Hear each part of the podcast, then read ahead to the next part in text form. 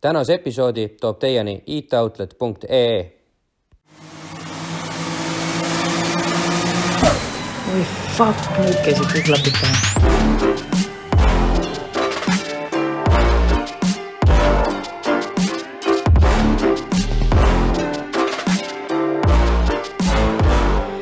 nii, tervitused taas kord siit podcast Trend stuudiost, kus teeme siis äh, oma taskuhäälingut ja ma ei tea, täna siis ka videohäälingut äh, Klapid pähe.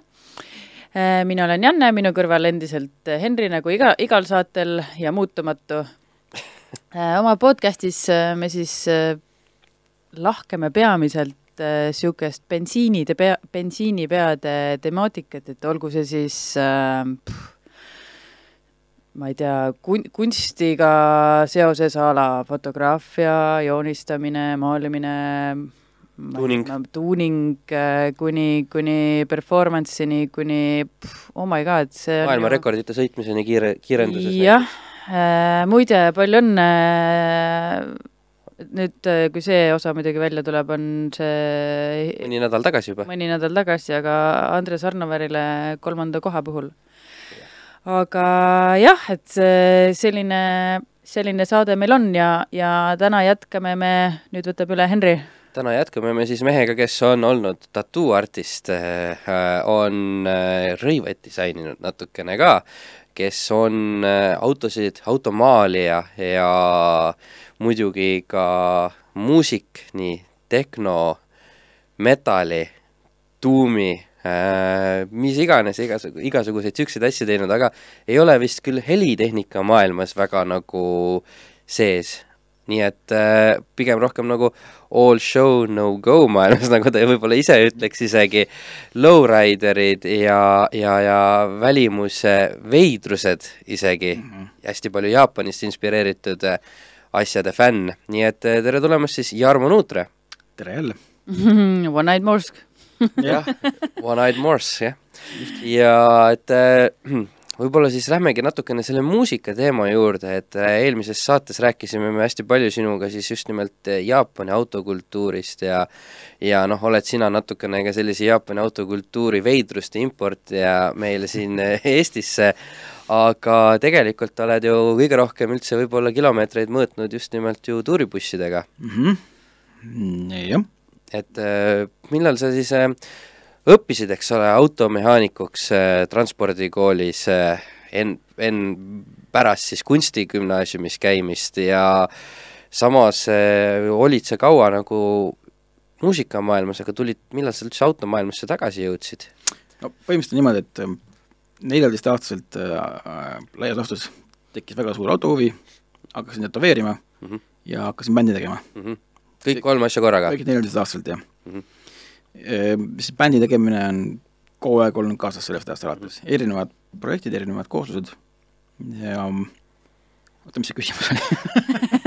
et sa nagu, nagu, nagu natukene nagu fookus läks siis autode pealt ühel hetkel ära ja siis sa tuli nagu tagasi jah, jah, jah, ta käis küll pidevalt nagu kaasas, laias laastus lingeris niimoodi kõrval kuidagi, aga mm, mingil hetkel seda tuulitamist oli nii palju, et siis ei, ei, ei olnud nagu mahti keskenduda. minu esimene kokkupuude sinuga võis olla aastal mingi kaks tuhat seitse-kaheksa ja kui ma tulin sult mingeid plaate ostma mm, -hmm. Rada seitse Foorumist leidsin, eks Jaa, ole, ja siis tulin ostma sinult mingeid plaate ja ma tulin oma hmm, ema Volvo S kuuekümnega ja siis sa hüppasid mulle autosse sisse, et noh, lähme sõidame, et kurat, saime kokku siin, siin Hiiu grilli juures, et aga ma elan siit mingi kolmesaja meetri kaugusel, et lähme sõidame sinna, onju see oligi seal. jaa, jaa, ja siis äh, sõitsime sinna ja siis sa mitte ei rääkinud minuga muusikust, muusikast, vaid siis sa ütlesid, et sul on see mingi Volvo Amazon või midagi ja et kas, kas sa ka ikka Volvo klubis oled? Random. ma olen nagu ema Volvo, Volvoga, eks ole, tulen sinu juurde, et ma olin mingi seitseteist siis, eks ole, et, et ja et oled ikka klubis ka või? okei, seda ma küll ei oodanud üldse nagu. Random. täiesti random küsimus, täiesti random nagu kokkupuude niimoodi. võib-olla see oli see sihuke vaata piinlik äh, või noh, mitte piinlik, aga see sihuke see olu- olukord, et noh, et sa pead nagu mingi teema kohe võtma või midagi ja, rääkima, et muidu on nagu veider on ju istuda seal niimoodi. et siis, siis oli see nagu esimene, mis pähe hüppas niimoodi. Jaa, aga siis ma nagu sain aru, et kurat, sa oled vist mingi automees või nii aga noh, sa oled muusikas on nii tugevalt sees, sellel ajal ei olnud nagu autoskeenes figureeriv ja noh, mis mina ei olnud ka mingi autoskeene figureer-, figurant, siis sel ajal ma vaatasin võidusõite pealt, mitte ei sõitnud ise, eks ole. ma ka lugesin Deku Hakud ja olin äh, ja Street Race'i foorumitega ja olin neis liige, aga ma ei noh. no tundub, et olid ka Volvo klubiline. jaa, jaa, jah. aga siis hiljem tulid nagu tagasi, jõudsid sinna autode juurde niimoodi mm -hmm. tõsiselt. jah nii, aga mis, mis see küsimus ikkagi et kuidas sa sinna tagasi nagu jõudsid, kas nagu need ah, ah, tohutud tuuribusside remontimised või see nagu tõi sind sellesse äh, õlinäppude maailmasse? paljuski ikkagi vist see, et ka selle suure tuuritamise ajal tundsin puudust ka, et ma tahaks nagu rohkem tegeleda sellega mm, -hmm. autoteema, kuna see on ikkagi mm -hmm. ka üks suurimaid armastusi ja huvisid yeah. endal olnud. ja siis äh, nii ta vaikselt jällegi tuli sealt kõrvalt no sina olid ju oma väga vinge metal-bändiga Talbot äh, üks niisuguseid, äh, ma ütleks, natuke nagu tuuripioneere, et kui kõik teised rääkisid sellest äh, unistavalt, et tahaks kunagi tuurile minna, siis teie võtsite kätte ja läksite tuurile kogu aeg, on ju? no ütleme, enne meid, eks ju, Eesti metal-bändidest olid Loits ja Manatark käinud mingitel isegi päris suurtuuridel. Manatark vist soojendas Mayhemit, Mayhemit jah, ja mingi aasta, mingi aasta ja aga sellist nagu DIY tuuri polnud keegi varem teinud, et see sai ka minul niimoodi alguse, et äh, MySpace oli tol hetkel, eks ju, ja mingi, mingi Viini tüüp äh, kirjutas, et oh, kui te Viini tulete, siis ma korraldan teile laivi mm. -hmm. siis ma ütlesin, aga me tuleme siis. ja siis, äh, siis selgus, et kuidagi sinna vaja saada ka, et ega nad ei maksa ometi lihtsalt Viini tulemise eest mm -hmm., tummatule bändile lennupiletid kinni mm. -hmm. ja siis ma hästi hakkasin nagu mõistma, et aa, et aga tegelikult ju nagu ongi vist niisugune teema nagu mingi DIY tuuritamine, et sa ise lepid kokku mingid asjad ja siis lähed ja siis ma otsisingi MySpace'it igas kontakte ja, ja hiljem see kasvas nagu ja just ma keelasin nagu seda tuurivärki. kaua te, kui sellest ühest konkreetsest räägid, kaua, te olite siis seal? see esimene tuur oli, kuu aega olime kuskil Kesk- ja Lõuna-Euroopas, ehm, kuigi kuna esimene tuur ei osanud nii hästi korraldada ega midagi, siis noh, meil oli väga palju vaba aega seal nagu, et võib-olla no jah, jah. kaks nädalat oli äkki laivi nagu kokku nagu ja siis mhm. ülejäänud aja lihtsalt äh, eks see sõit võtab ka muidugi aega, et äh, ühest punktist ülejäänud aja lihtsalt olid olematu raha kuskil kuskil seal Lõuna-Euroopas. aga võib-olla lihtsalt täitsa natuke niisugune küsimus, et kas selle eest, kas selle tuuri eest te saite nagu selles mõttes piisavalt raha, et saite selle kuu ajaga nagu hakkama, et äh, me saime hakkama, ütleme, ütleme nii, me jäime ellu yeah. ja saime siia koju pärast, aga no. üldiselt ikka see esimesed aastad oli ikka päris äh, raju lihtsalt niisugune lõbu, oma no lõbu, pigem nagu, maksab veits peale nagu jah, sa saad küll mingi raha, et selle osta kütust ja umbes süüa, aga üldiselt ikka no, nagu elamuse seikluse said pigem jah mees elas ikkagi nagu muusiku elu pär. ja, ja oligi jah, me ikkagi olime ju unistuse täideviimine mõnes ja. mõttes. täpselt nagu kuskilt Ameerika filmist ja, äh, välja. unistus oligi jah, et ma ise olin isegi unustanud selle eest, mul keegi sõber kunagi ütles, et kuule, umbes sa oledki oma unistuses praegu või? Siis ma ütlesin, aa, vist on jah, nagu, et bändiga tuuril kuskil välismaal mingis random kohtades. Ja, ja. no igatahes, et siis autoteemasse minna sealt äkki siis ähm... kuule, bänd Talbot, nimi aa, no jaa, ilmselgelt, muidugi. Äh, no ka tulnud ikka Talbotist, sellepärast et bassimehel Magnusel või noh, siis kes on meil tegelikult põhiline nagu siis noh, nimetame bändi liidriks või tema nagu on põhiline muusikakirjutaja ehm,. tal oli kunagi olnud äh, kas Solara vist või, või äkki Hor-, Horizon isegi. Talbot Horizon mm. -hmm. ja kuidagi see Talbotil on alati midagi teemas millegipärast, niisugused veidrad autod mm -hmm. ja ja siis ühest küljest äh, mingil hetkel, kui see musa nagu hakkas vormuma, siis tekkis ka niisugune endal niisugune mingi kuidagi pildi niisugune piltlik äh, tunne sinna, et justkui, et äh, see on niisugune hästi robustne ja raske musa ühest küljest, et robustne nagu siis Talbot Horizon umbes, eks ju, aga teisalt ka nagu selline, kuna oli niisugune nagu ka kuidagi nagu ilusaid hetki või sellist mingit niisugust tõsiseltvõetavust, siis justkui ka nagu Talbot Lago ehk mis on väga elegantne selline masin, see kuidagi iseendale kergelt seletasid nagu seda asja niimoodi aga mingit suurema mõtet, tagamõtet ei ole, et lihtsalt Talbot põhimõtteliselt mm. -hmm see oli lihtsalt selline aga vähemalt on ikkagi autonimeline bänd. autonimeline noh, jah. ja täitsa sealt kohast pärit ka nimi. mina ei teadnudki niisugust autot. no kõva auto on. on jah? jah. ja USA variandid on need Horizonis ka lahedad. Dodge Omni vist või, oli äkki nimi Henri äkki monteerimisel tuletab mulle meelde, ma võin ühe pildi panna Eestis siia. turbakaid hästi USA-s no vot, näed, aga nüüd olete te kui palju tuure siis teinud tegelikult? Eh, no mina olin vahepeal üheksa aastat ära juba nendest, et kaks tuhat kolmteist minu viimane live oli Roskilde festivalil, kus me olime tegelikult Eesti esimene bänd Roskilde festivalil üldse, ametlikus nimekirjas. siis mul tekkis mingi väsimus ja ma lahkusin bändist, nii et üheksa aastat oli üldse Peterburist üks poiss. ja siis sel aastal kuidagi tähtedest läks nii, et ma olin tagasi bändis järsku mm. -hmm. Nii et e enne minu lahkumist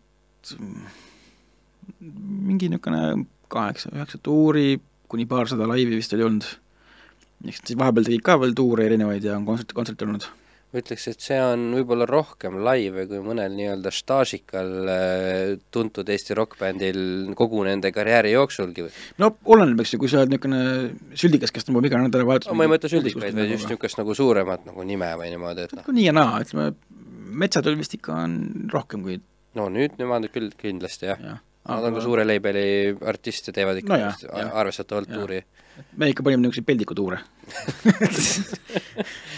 ehk siis see, see oli selline bänd, kes esineb circa niisugusele saja paarikümnele inimesele heal juhul? on olnud ka nii, et ikka on kolm inimest kohal ja aga oh, mida, mida aeg edasi, mida aeg edasi, seda rohkem rahvast, eks ju, tuleb, äh, aga väga, väga erinevad päevad on ka, et noh Venemaa tuuril a la Moskvas on mingisugune paarsada inimest, seal kuskil Iževskis, kus on mingi paarkümmend inimest ja aga tema selle oleneb nädala, nädalapäevast ja asukohast ja kõigest oleneb, et mäletan Poolas meil Lutšis, õigemini Vutšis tähendab, hääldatakse, oli äh, tohutu suur klubi, suurem kui Rock Cafe mm -hmm. ja noh, siis ehk siis vana, vana Rock Cafe mm -hmm. ja tohutu teatehnika ja kõik asjad, aga korraldaja kadus ära poole tee peal, me tulime Gdanskist, sõitsime sinnapoole parajasti ja korraldajast ei võtnud telefoni vastu ja kohapeal selgus, et ta pole isegi reklaami teinud üritusele eriti. nii et ja kadus ära, vastu ei võta ja kõik. ja, ja, ja siis äh, need äh, mingid baaripidajad, kes seal olid, nad siis kuidagi mm, tundsid kaasa meile ja, ja hakkasid mingil hetkel ilmselt jooki pakkuma nii et siis äh, läks nagu lõbusaks see asi ja lõpuks tuli kolm inimest kohale, kellest üks oli ajakirjanik ja siis, aga kuna see place oli nii lahe ja sound oli nii hea, siis lõpuks ja see emotsioon sellest mingisugusest äh, juhtumist nagu siis mängid vihaga lihtsalt nii kõva laivi nagu ja siis üks inimene ajakirjanik ka veel, vaata, et sul see ikkagi on tähtis, et sa pead mängima alati hästi mm. -hmm. et see oli lõpuks oli väga kõva pidu, oli väga lahe üritus, kuigi oli vähe rahvast kolm no äh, Belgradis, Serbias oli ka mingisugune viis vist, ütleme. et ikka on juhtunud nagu selles mõttes mm. -hmm ei noh, ikka ja no Roskildel mingi, mis see telk mahutas, tuhat viissada vist inimest või mm? -hmm. oli täis ka nagu enam-vähem? jaa, täiesti full, täiesti täis nagu nice.. et see oli jõhker. no see oli juba living the dream peaaegu. see oli juba päris, sai nagu, sai nagu adekvaatset raha ja, ja sa olid ikkagi päris artist nagu selle mm, -hmm. ei olnud niisama mingisugusele lastelavale nagu pandud nagu mängima et ikkagi sind, sind taheti sinna ei, vägev, aga kus on siis kõige kaugem tuur olnud, kus te käinud olete? Ehm, no Euroopa on käidud enam-vähem ühes servas täis, lisaks Balkanimaad ja veerand Venemaad mm. -hmm. ja siis ehm, ka lisaks ka Jaapan ja Austraalia. aga kus nagu võetakse kõige huvitavamalt või paremini vastu sellist ehm, huvitav on olnud see, et et ähm, Venemaa vastuvõtt on olnud kõige nagu niisugune soojem mingis mm. mõttes. või selles mõttes, et sealt tullakse huvi su vastu mm. -hmm. ega nagu... ilmselt Iževskisse väga Zagranitsu bände ei satu, eks? seal ongi just see värk, et äh, kui sa käid Lääne-Euroopas, seal inimesed on nii harjunud selle bändi välja no,, nad on laisad, nad ei viitsigi välja tulla, isegi kui on hea bänd, ikka ei viitsi välja tulla. aga siis Venemaal, Eesti on ikka nende jaoks nagu välismaa mm, -hmm. siis kui vaatavad, et välismaa bänd tuleb ja ja inimesed on ikka üliemotsionaalsed okay,, see on ikka selles mõttes lahe. ilmselgelt praegu enam ei kavatse Venemaale minna, aga aga seal, seal oli tore jah, kuigi väga intensiivne, sest seal ikka veits on niisugune sketš on kogu see noh, me kõik loodame, et ühel päeval režiim lõpeb ja saab jälle nagu normaalsemat no, äh, suhtlust arendada. aga jah, seal Venemaal jah, olnud suve see on nagu ikka olnud niisugune värk, et tuled WC-st välja, ei jõua käsi pesta, juba tullakse pilti tegema ja kätt suruma sul nagu aga seal te käisite ka siis nagu oma bussiga selles mõttes tuuritamas? aga seal oli ka see, et noh, meie need bussid alati lagunesid, ikka korralikult. mis ja... buss, mis bussid teil üldse olid? esimene buss oli seesama T3 Westfalia, kuu aega siis elasime selles bussis ka, kuigi vahepeal mingi töömaja ka muidugi. oota, mit-, mitu teil bändis oli? me oleme bändis kahekesi ja lisaks helimees. ja, ja helimees jah, kaasas. ja mm, vaata, on professionaalid, ei kasuta kohaliku helimehe teenust, vaid veavad enda oma kaasa, et see on ikka maailma tippklassi bändi teema puhtalt. järgmine aasta on Austraalia tuur tulemas nagu, et siis äh, vist lähme kohaliku Helme peale, et vaatame kuidagi mm. vaata. no igatahes, sellest bussist, et Jaa, Westfalia.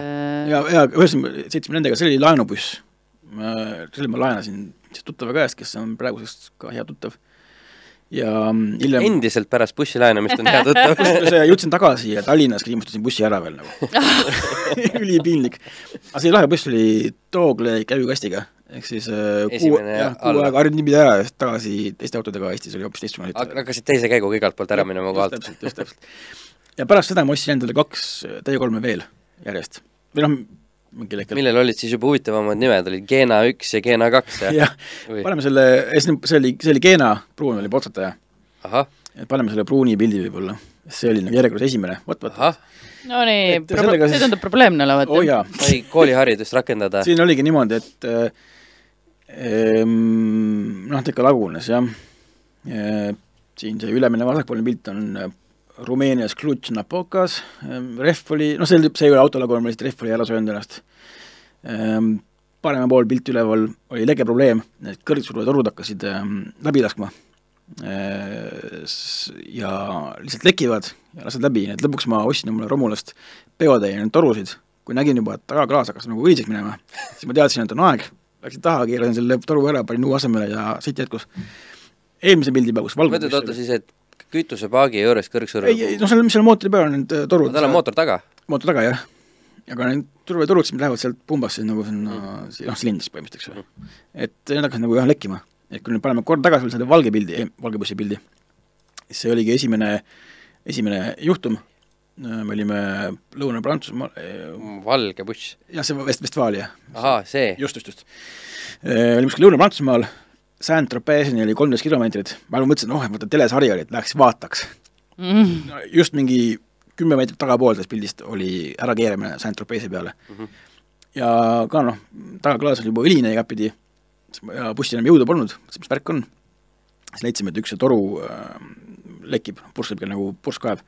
kuna kogu pildikola oli seal taga ju, siis ja kuna see buss läks nii tihti metsa, kõik need bussid mm. -hmm. siis meil lõpuks see pildikola käis mingi kolmekümne sekundiga maha ja peale ka me olime nii harjunud sellega, et ikka sihuke maha, remont, asjad jälle peale ja noh, niisugune harjumus Teil olid siis trummid kaasas, siis oli Trummid, äh, bassivõimendi. tol hetkel vist isegi ei olnud, me laenasime kuidagi, see oli esimene reis, see oli niisugune päris sisseelamine nagu, et arusaamine üldse, mismoodi käib välismaa, välismaa bändi tuuritamine. Mhm. aga no korralik oli piisavalt. seal me siis olime, toru parandada ei saa, proovisin kiirliimiga seal parandada, ei õnnestunud, hiljem õnnestus. aga siin kõrval oli äh, automüügiplats, kus siis Valvur elas mingisuguses nagu selles äh, reisivagunis, või noh, see on niisugune Mhm. soojakus. sooja, no suvilavagun, autovagun nagu selles mõttes, suvi, noh, Agis suvila. Aegis suvila jah, just.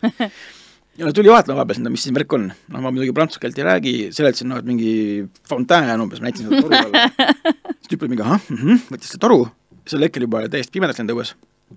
võttis selle toru, läks oma sinna haagisesse sellega. me seal ootame nagu ja järsku vaatab, kuidas see pimedas hakkab see haagis helendama. tahad keevitas seal sees nagu seda, toru. noh, muidugi ta selle augule pihta ei saanud, see oli mingi niisugune nööpnõela suur, peasuurune auk. nii et pihta ei saanud, ikka lekkis, järgmine päev me siis kõndisime mingi see noh, väga palava ilmaga, mingi kakskümmend kilti kuskile asulasse, kus leidsime mingisuguse Volkswageni keskuse, saime mingisuguse toru sealt, kõndisime tagasi, no täiesti juba näljas ja mingi veepuudus ja nii edasi. panime toru peale, sõitsime minema, mingisugune paar päeva hiljem kuskil pärast Millau seda suurt äh, silda üle kanjoni, kuskil kiirtee peal äh, uuesti jälle õline äh,. võtsime sinna taskusse, kiirtee taskusse, vahepeal jõudis kohale juba see kiirteetehnik, pani meile need koonused ümber, et siin on mingi ohuala. meil kogu kola maha tõstetud juba ja seal ma reaalselt parandasin selle toru ära kiirliimiga, panin nii palju, valasin kiirliimi peale, läbisin kõlarijuhtmest äh, need kiud välja, vasakad kiud, mässin neid ümber, jälle kiirliimi peale veel MacGyveri teipi ja asju, panin peale, töötas. see kiirtüüp oli nii, et oh, surus kätt, et kõvad mehed ja läksime ära mingit romulat otsima siit tuleb ka minu üks elu uskumatumaid äh, juhtumeid. leidsin mingi romula kuskil Prantsusmaa, ma ei tea, kus mägede vahel äh,. parkisime sinna romulalt ennast ära, siis romula omanik nägi, millega ma tulin, aga ta parajasti tegeles mingi teise kliendiga veel mm. -hmm. siis ma ootasin selle ukse ees tal see toru käes. Ja siis tüüp tuleb, siis küsib, et noh, et äh, see buss või? ma ütlesin jah, et noh, see toru, fontään ja asjad, eks ju, ja et noh, katki.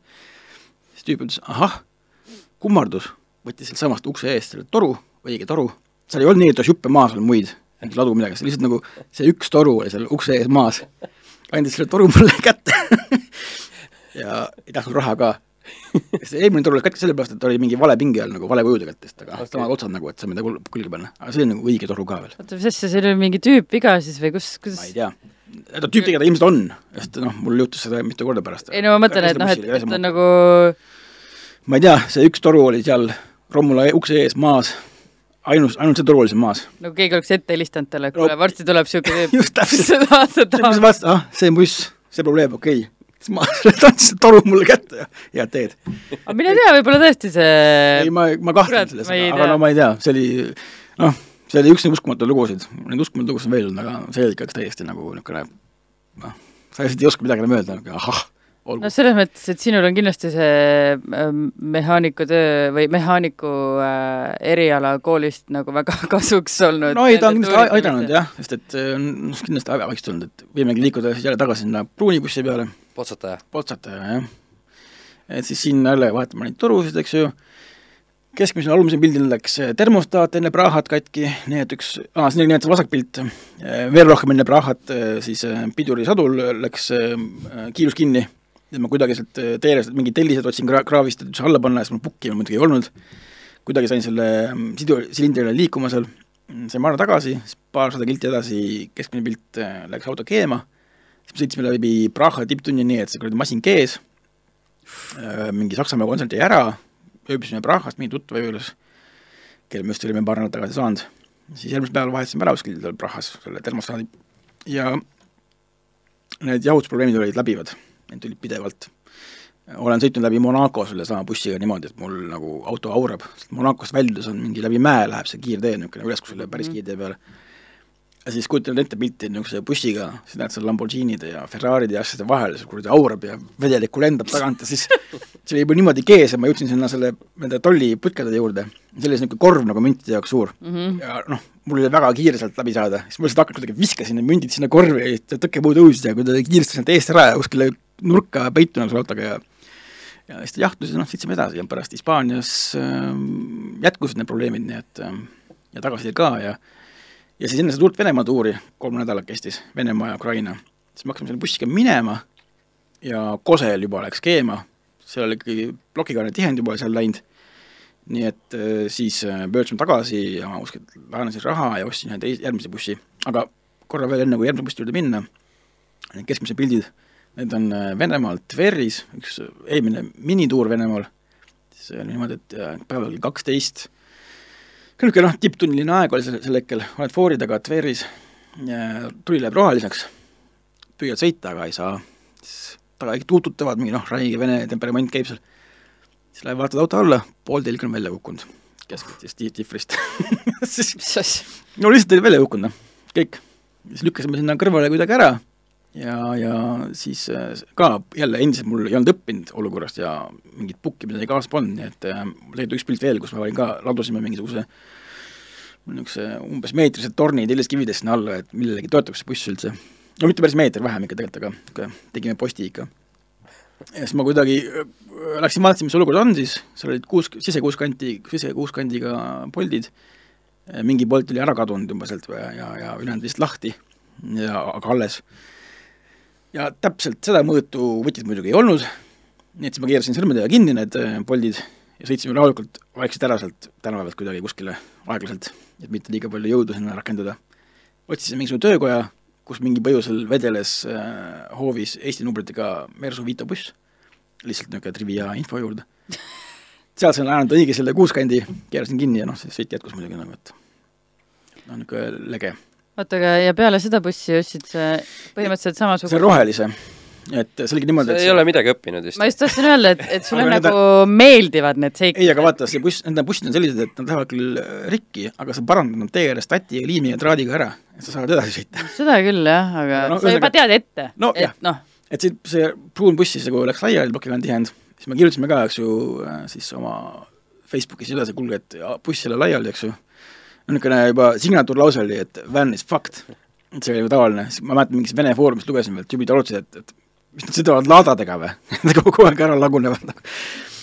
no igatahes siis äh, kiiresti oli, õnnestus leida see buss müügist Tartust äh,, sain, laenasin raha ähm,, sõitsime Tartusse, et siis äh, Kuku kolaga hommikul kell viis, esmaspäeva hommikul, mingi kolm laivi juba olid ära jäänud selle, selleks ajaks, sest me ei jõudnud minna, eks muidu olime juba, pidime olema reedel Venemaal äh,. pakkisime selle kola peale äh,, siis äh, läksin Põlva arki, et ümber registreerida sest Tartu oli kinni vist oli vara mm. -hmm. siis Põlva arkis, noh, et selle vahepeal sõidad juba Venemaa, Venemaa poole, siis Põlva enam-vähem mm. lähe, lähemal, seal siis registreerisin ümber ja siis otse Venemaale ja otse Brjanskisse, üle Koidula piiripunkti. Kaheksakümmend kilti üle piiripunkti äh, selgus juba, et buss ei lähe käima enam mingil hetkel, kui teeb metsapeatuse, lihtsalt starter ei võta järgi, siis oligi edaspidi nii, et äh, bussi pidi lükkama käima. see juhtus alati siis, kui sa oled kas piiri peal politseinike juures või mingis muus täbaras olukorras, kui on täiesti mingi suvaline olukord, siis läks, läks ise, ise käima. Murphy ju? jaa, nii et ähm, üle Ukraina-Venemaa piiri me lükkasime selle bussi mingi, ka mingi politseinik vahepeal ähm, peab kinni dokumente, siis hakkad ära minema, siis ka seal ei saa käima, siis vaatad, kuidas tüübid vaatavad sind kõrvalt autost nagu, et nagu mida noh teised lükkavad käima. no see ei ole keelatud ju. ei, see ei ole keelatud, aga lihtsalt ikkagi veits niisugune noh, Kreekas, Ateenas äh, parkisime, pidime parkima mingisugusele üli nagu järsule mäele, väga tihe tänav ka. ja muidugi sealt käima ei läinud, nii et kontserdi korraldaja lõpuks seisis tänavale ette, takistas liiklust ja siis äh, teised kaks vanimest lükkasid üles mäge selle bussi käima Lisaks... tagurpidi käiguga ei mõelnud, võiks proovida või oh,? ei, ei, ei lisaks ähm, uks, küljeuks ei läinud enam kinni mingil hetkel, et seda pidi nagu jõhkralt lõhkuma kordi äh,. siis meil olid seal noh, saime pesu pesta mingites kohtades, a la Istanbulis saime pesu pesta, siis olid äh, kitarrijuhe oli tõmmatud risti üle bussi sees, sokid ja alukad rippusid seal, noh. siis ma mäletan, meil oli Bulgaarias, Sofias oli korra-, kontserdi korraldaja, siis tuli meiega kaasa vahepeal, et juhatas mingit teed kuskile, siis ta vaatas nagu, kuidas esiteks see tulelüliti oli niisugune, sinna ma jõuan ka. Kuidas tuleb nagu armatuurist väljas selles jah, et tule pandi põlema lüliti lisades nagu, siis äh, kuidas käima lükati, siis kuidas seda ust nagu rammiti täie jõuga kinni, mingisugune kümme korda, et sealt kinni jääks. ja siis sees mingi kuradi alukad ja sokid kuivavad kuskil kitarri juhtme peal. Siis tüüp lükkad, mis asja nagu, mis toimub et jah, see buss tekitas põnevusi ehm,. siis miks jah, see tulelülit on selline, on see, et sõitsime äh, Kreekas Ateenast Istanbuli poole, me olime Thessalonikist juba möödunud umbes kiirtee peal, novembrikuu öö, täiesti kottpime. ja järsku plaksti, kõik tuled läinud, lihtsalt pime, mitte midagi. tee, tee, tee seisma, ei tohiks kiirtee peal, aga noh, mis sa teed. ja siis noh, leidsimegi vea, et ilmselt oli lülit, lülit oli laiali läinud, midagi juhtunud seal. ja siis lahendus oli see, et enne tuuri nagu kõik asjad pakitud, siis mul oli, ma mäletan, ma veeretasin üks mingit traadirõngast omal käte vahel, kus oli paar mingit veel mutrit kuidagi küljes. ja mõtlesin, kas võtaks, võtaks kaasa, ei võta. siis mõtlesin, noh, võtan, panen armatuuri sinna mingisse keskmisse sahtlisse. ja siis oleks vaja, sellepärast et me siis äh, traatidega sildasin need äh, ühendused ära seal lülitis öösel pimedas vaata kuskil. guugeldasid ennem, et kuidas ei no ei olnud, ei olnud internetiühendust ka sel hetkel ja nutikat ei olnud ka vist nagu nii head veel. Nii et noh, see kaks tuhat üksteist oli see. Teadsid selle lüliti ehitust siis ei teadnud, või... lihtsalt proovisin. Ma lihtsalt proovisin ära ühendada, et noh, kuidagi riskides maha põletades? ma, kus, kusjuures ma ei tea, kuidas üldse tuli see idee, et äkki prooviks niimoodi ühendada, äkki töötab, noh, kuidagi tuli seal kollektiivse arutelu käigus ja siis ähm, noh, ühendasin ja töötas.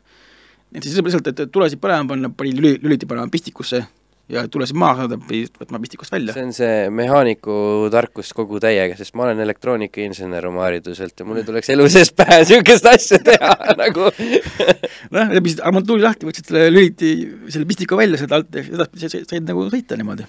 millegipärast neid kruvikeerles ka vaja kogu aeg, ma ei mäleta, miks, aga hoidis paigal ilmselt seda traadi ei, ta oli mul seal valmis mingi põhjuse jaoks nagu, et ma saaks võtta kohe, kui vaja on. see vasakpoolne alumine pilt on lihtsalt tore pilt Udmurti ja piiri peal no lihtsalt kuidagi lahe, tundus nagu, et vot Udmurtia piiri peal, et see tundus niisugune kuidagi kihvt. auto on mõnus mudane, sest et kuna tal ei olnud toonklaase, siis eh, kohe üle piiri saades ma püüdsin igale poole läbi, läbi mingi porilompide sõita. et äh, ära varjaks natuke? jaa, sest sul on ikkagi mingi tehnika, noh, nagu näha pildi pealt, sul on ikka piisavalt kola. ja, ja, ja ega bände, keda on paljaks niimoodi varastatud, on ikka päris palju ju. jah, ja meil oli ka reaalne situatsioon, kus oleks Bosnias mägedes olid teeröövlid ja seal oli ikka päris kõhe olla nagu, et tulime Sarajevos, sõitsime Serbia poole öösel, noh käes november oli, see oli mingi jä- järgmine tuur juba, kohe pärast Venemaad. ja mm, suun-, teeremont oli mingi mägedes, suunati veel väiksematele mägiteedele. ja siis Bosnias on selline teema, et seal on politseinikud nagu hästi valgustatud, hästi suur, palju veste helkuritega ja mingeid valgustatud sau ja kõik asjad ja ja siis ma nägin mingil hetkel, et antakse saua mulle. ma mõtlesin, noh, muidugi jään seisma, ma ei taha ju sattuda nagu pahandustesse välismaal mm. -hmm. Hiljem tuli meelde, et minu eessõiduauto, talle pandi ka sauva, aga ta ei peatunud. ja kusjuures Ukrainas oli ka tol hetkel juba, mulle öeldi ka, et öösel ei pea peatuma politseimärguande peale. et pole kohustuslik öösel. tegelikult nagu seaduse järgi ei ole kohustuslik. no kas just seadus, aga üldse, ühesõnaga, et kuna võivad olla bandiidid nagu, et siis öösel ei pea peatuma nagu ühesõnaga, teil olid siis tegelikult no ma ikkagi olen suhteliselt veendunud, et ikka olid jah, sest et nii kui me seisma jäime, aeti mingi golf ette meile nii, et me ei saaks nagu ära minna, noh põhimõtteliselt blokeeriti mm. meie tee ja mingi niisugune kakskümmend tüüpi tuli ümber niisugused dressides ja niisugused nagu hambaalid, noh, suured mm., tüübi hääl oli ka niisugune noh, täiesti nagu filmis. ma noh, mul reaalselt käed verisesid rooli peal, ma hoidsin seda roolis kinni, et nagu äh, püüda näida nagu niisuguse nagu noh, rahuliku või stabiilsena, eks yeah.. tüüp küsis ka mingi, midagi küsib siis mul oli niimoodi, et äh, noh, me olime selleks ajaks välja töötanud niisuguse taktika, et kuskil piiri peal mingisuguses korruptiivses riigis või korruptiivse ametnikuga, et räägin ainult eesti keeles. kui sa ütled talle kohe alguses tere päevast, mitte lihtsalt tere, tere võib kõlada mingi Toobrija kuskil läbi lihtsalt tere päevast. sa tegelikult näed kohe ära, et silmade taga midagi juhtub inimesel nagu. ja siis ta kordab mu küsimust, ma saan muidugi aru, ma tavaliselt jätkasin eesti keeles, siis mingi pikema lause, et kas saaksite palun korrata, ma ei saanud hästi aru ja siis, kuna Eesti, ma, ja ma püüdsin olla nagu teemas nagu, et endale niimoodi lihtsam, et ei lähe mingi lappama. ja siis sa näed kohe ära, et läheb täiesti segadusse nagu, et äh, edasi on kaks varianti, kui ta räägib hästi inglise keelt, siis ta räägib seda, siis sa lähed inglise peale üle, kui ta hakkab purssima ja seal äh, kuidagi lonkama midagi, siis äh, panen tuimalt eesti keelt edasi, siis kas tuuakse tilk või sa kiiresti minema lihtsalt. ja see aitab, noh, see aitab jumala hästi ikka nagu, et ja siis seal nende bandiitidega oli ka niimoodi, ma lihtsalt noh, püüdsin kivi nägu pähe teha, endal nagu käed reaalselt värisevad nagu, siis niisugune tere õhtust, vastad seal kuidagi läbi akna. siis tüüp kordab mingi küsimust umbes, ma mingi seletasin, panin oma selle stampvastuse jälle ja ja lõpuks mingi kerge pingpongiga oligi see, et aa, mingi stranitsa umbes mingi ja noh, et võõramaalast või midagi, et minge ära mm. -hmm. et ähm, ma ei saa olla sada protsenti lõpuni kindel, et olid bandiid, aga kuna auto aeti kohe ette, et me ei saaks põgeneda ja, ja. ja mingi suvalistes dressides kamp nagu vajus ümber, siis ma ei ole nagu ka veendunud, et nad niisama rahulikud turistid olid nagu selles mõttes nagu, et või noh toredad külainimesed.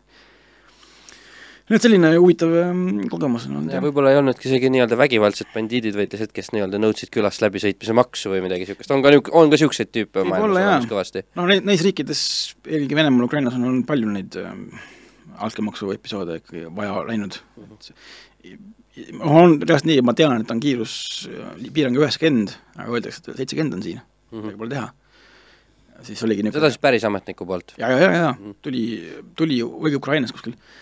Ja ta siis tuligi ja, aga see oli lõbus seiklus, sest et ta mm, kui no, Mehhiko tuurile lähete, siis tead ka seda, et seal on külades tõmbavad need traadid ette või need köied või need ketid ette ja nõuavad raha konkreetselt, et noh, et sinu külast läbisõitmise tasu on selline. Ah.. ja see, külaelanikud teevad seda, seisavad hangudega tee ääres lihtsalt ja, ja nii ongi, noh.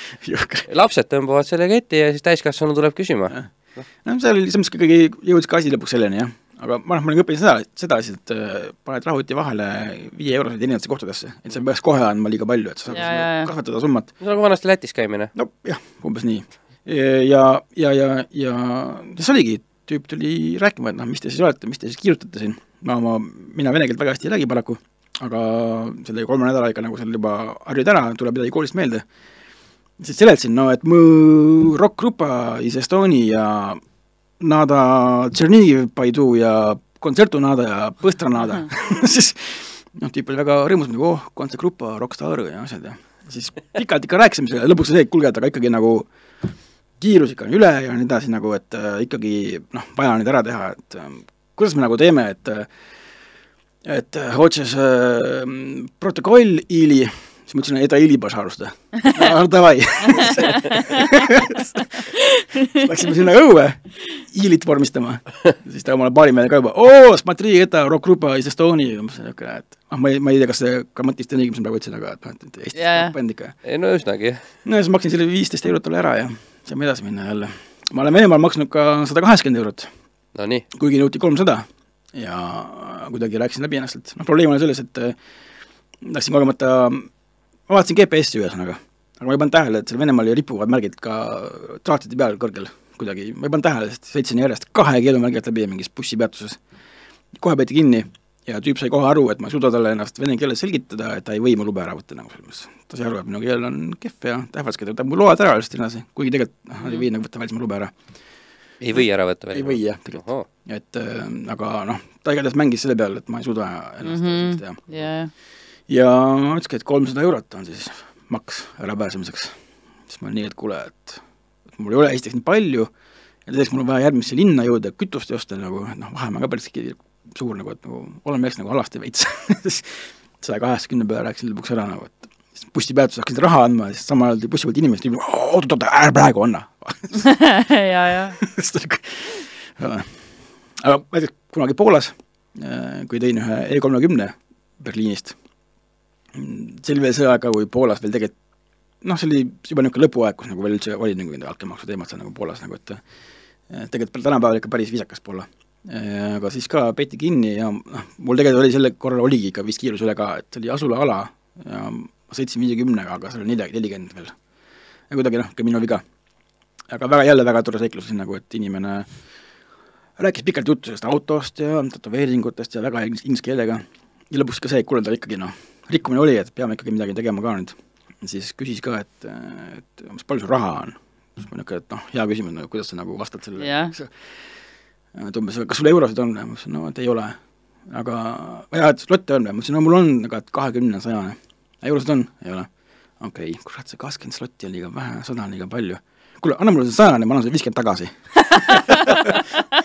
jumala aus tüüp ja vahetaski, vahetaski lahti ja, ja jälle hea, hea lugu, mida meenutada, sest mul oli nagu hea meel talle anda see raha, et äh, ma sain aru, et ma saan selle eest, äh, saan selle eest väärtust vastu nagu. et jah ja jah, see buss ikkagi lõpuks sõitis äh, oma nende vigadega ära, selle, need reisid. Palju neid kilomeetreid umbes võib tulla selliste bussidega sul? konkreetselt T3-dega ma olen arvutanud enam-vähem tuli vist ka üle saja tuhande kilomeetri. Kõik noh, läbi Euroopa, need Venemaa, korduvalt läbi Euroopa, eks ju. Venemaaga üks kilomeeter võrdub ilmselt Euroopa kaks umbes. võimalik jah, sest seal ikka oli, vahepeal mäletan enne Kaasanit mingi sügise õhtu, pime, vihma sajab, mingid teetööd, no paar korda käisid ikka niisuguses augus ära nagu, et äh, mõtlesid, et sinna auku me ka jääme selle bussiga, õnneks ei jäänud, aga hirmus oli ikka nagu et... noh, net täis ju neid pilte kahte suurt äh, linna ühendavatest maanteedest, mis on mudamülkad lihtsalt, kus veoautod on kinni ja, ja autod on kinni ja ja pluss siis kõik need kõikvõimalikud manöövrid. Äh,, mul õnnestus käia veel ka sel ajal, kui äh, Moskvas ei olnud kiiruskaameraid, ehk siis kus Moskvas olid äh, Venemaa ainsad mitteametlikud kiirteed. Et sa noh, linnakiirus on viiskümmend, aga sõidetakse saja kahekümnega, eks ju, seitse rida nagu ühes suunas mm, -hmm. kõik on täie pasa ja kuuma, vabandust. ja ma nägin mingi pilti, kus mingi Mitsubishi Evo sõitis äh, eest ära politseinikul, läbi ridade vahelt pani kuuma niimoodi, et äh, vahepeal sädemed lendas alt kuskilt aukudest ja siis mingi Volgaga püüti jältida teda väga optimistlik. ma just tahtsin öelda, jah. ja siis äh, noh, ma pole elus näinud, näinud niisugust ummikut nagu Moskvas öösel kell pool kaks, hakkasime kuskil Moskvast hakkasime klubist sõitma Moskvasse öömajja, poolteist tundi sõitsime, et mingi umbor oli niimoodi, kus autod olid üksteisest kümne sentimeetri kaugusel, risti-rästi täiesti, umbes Kamazid, Lamborghinid, meie oma bussiga, laadad, kõik asjad koos, noh. ja lihtsalt niisugune nagu põimitud nagu punukorv oleks olnud see nagu noh, mingi lihtsalt vaikselt kuidagi nõkutad edasi. et äh, Venemaalt äh, ja ka varem ka Roomast ja mingi Belgradist ma lõpuks õppisin nagu niisuguseid nagu sõiduvõtteid või kuidagi noh, oled kolm nädalat seal Venemaal, siis sa oled nii harjunud sellega, et sa pead kehtestama ennast kogu aeg. siis mul tuli üle piiri lõpuks tagasi oli Poolas ja mul võttis nädal aega aega, et nagu äh, sõita tsiviliseeritult. aru saada, et siin on normaalselt jaa, et siin tohib, ma reaalselt sõitsin, mäletan, ma sõitsin Tallinnas äh, Kino Kosmose ees äh, sõitsin foori taga kellelegi nagu just ette veel esikohal nagu noh, sest vaatasin et siis on nagu vaja niimoodi ja siis mõtlesin, oi, kuule oot-oot, niimoodi, noh, nii ei tohi nagu,, see, see ei sobi. Läksid kõrvalt mööda nii-öelda ja siin, seal oli ruumi, on ju. ei no kuidagi, sest Venemaal vahepeal ikka oli nagu vajadus, sa, sa pead ikka muidugi vaatama, et sa nagu valele autole ette ei sõida nagu selles mõttes, sest siis võivad tekkida noh, probleemid suuremad. aga mm, seal pidi ennast kehtestama aeg-ajalt ja siis äh, mingi võtted, lõpuks Istanbulis ka, mäletan, sa oled saavutanud mingi niisuguse sellise nagu vormi nii-öelda, et sa nagu noh, mingi kerge nahaalsus tuleb nagu, et kui sul on vaja kuskile minna, et sa lähed, ka Istanbulis oli mingi tipptund, sa oled umbes viiendas reas, aga sul on vaja saada nagu üheksakümne kraadi alt kohe sinna tee tanklasse.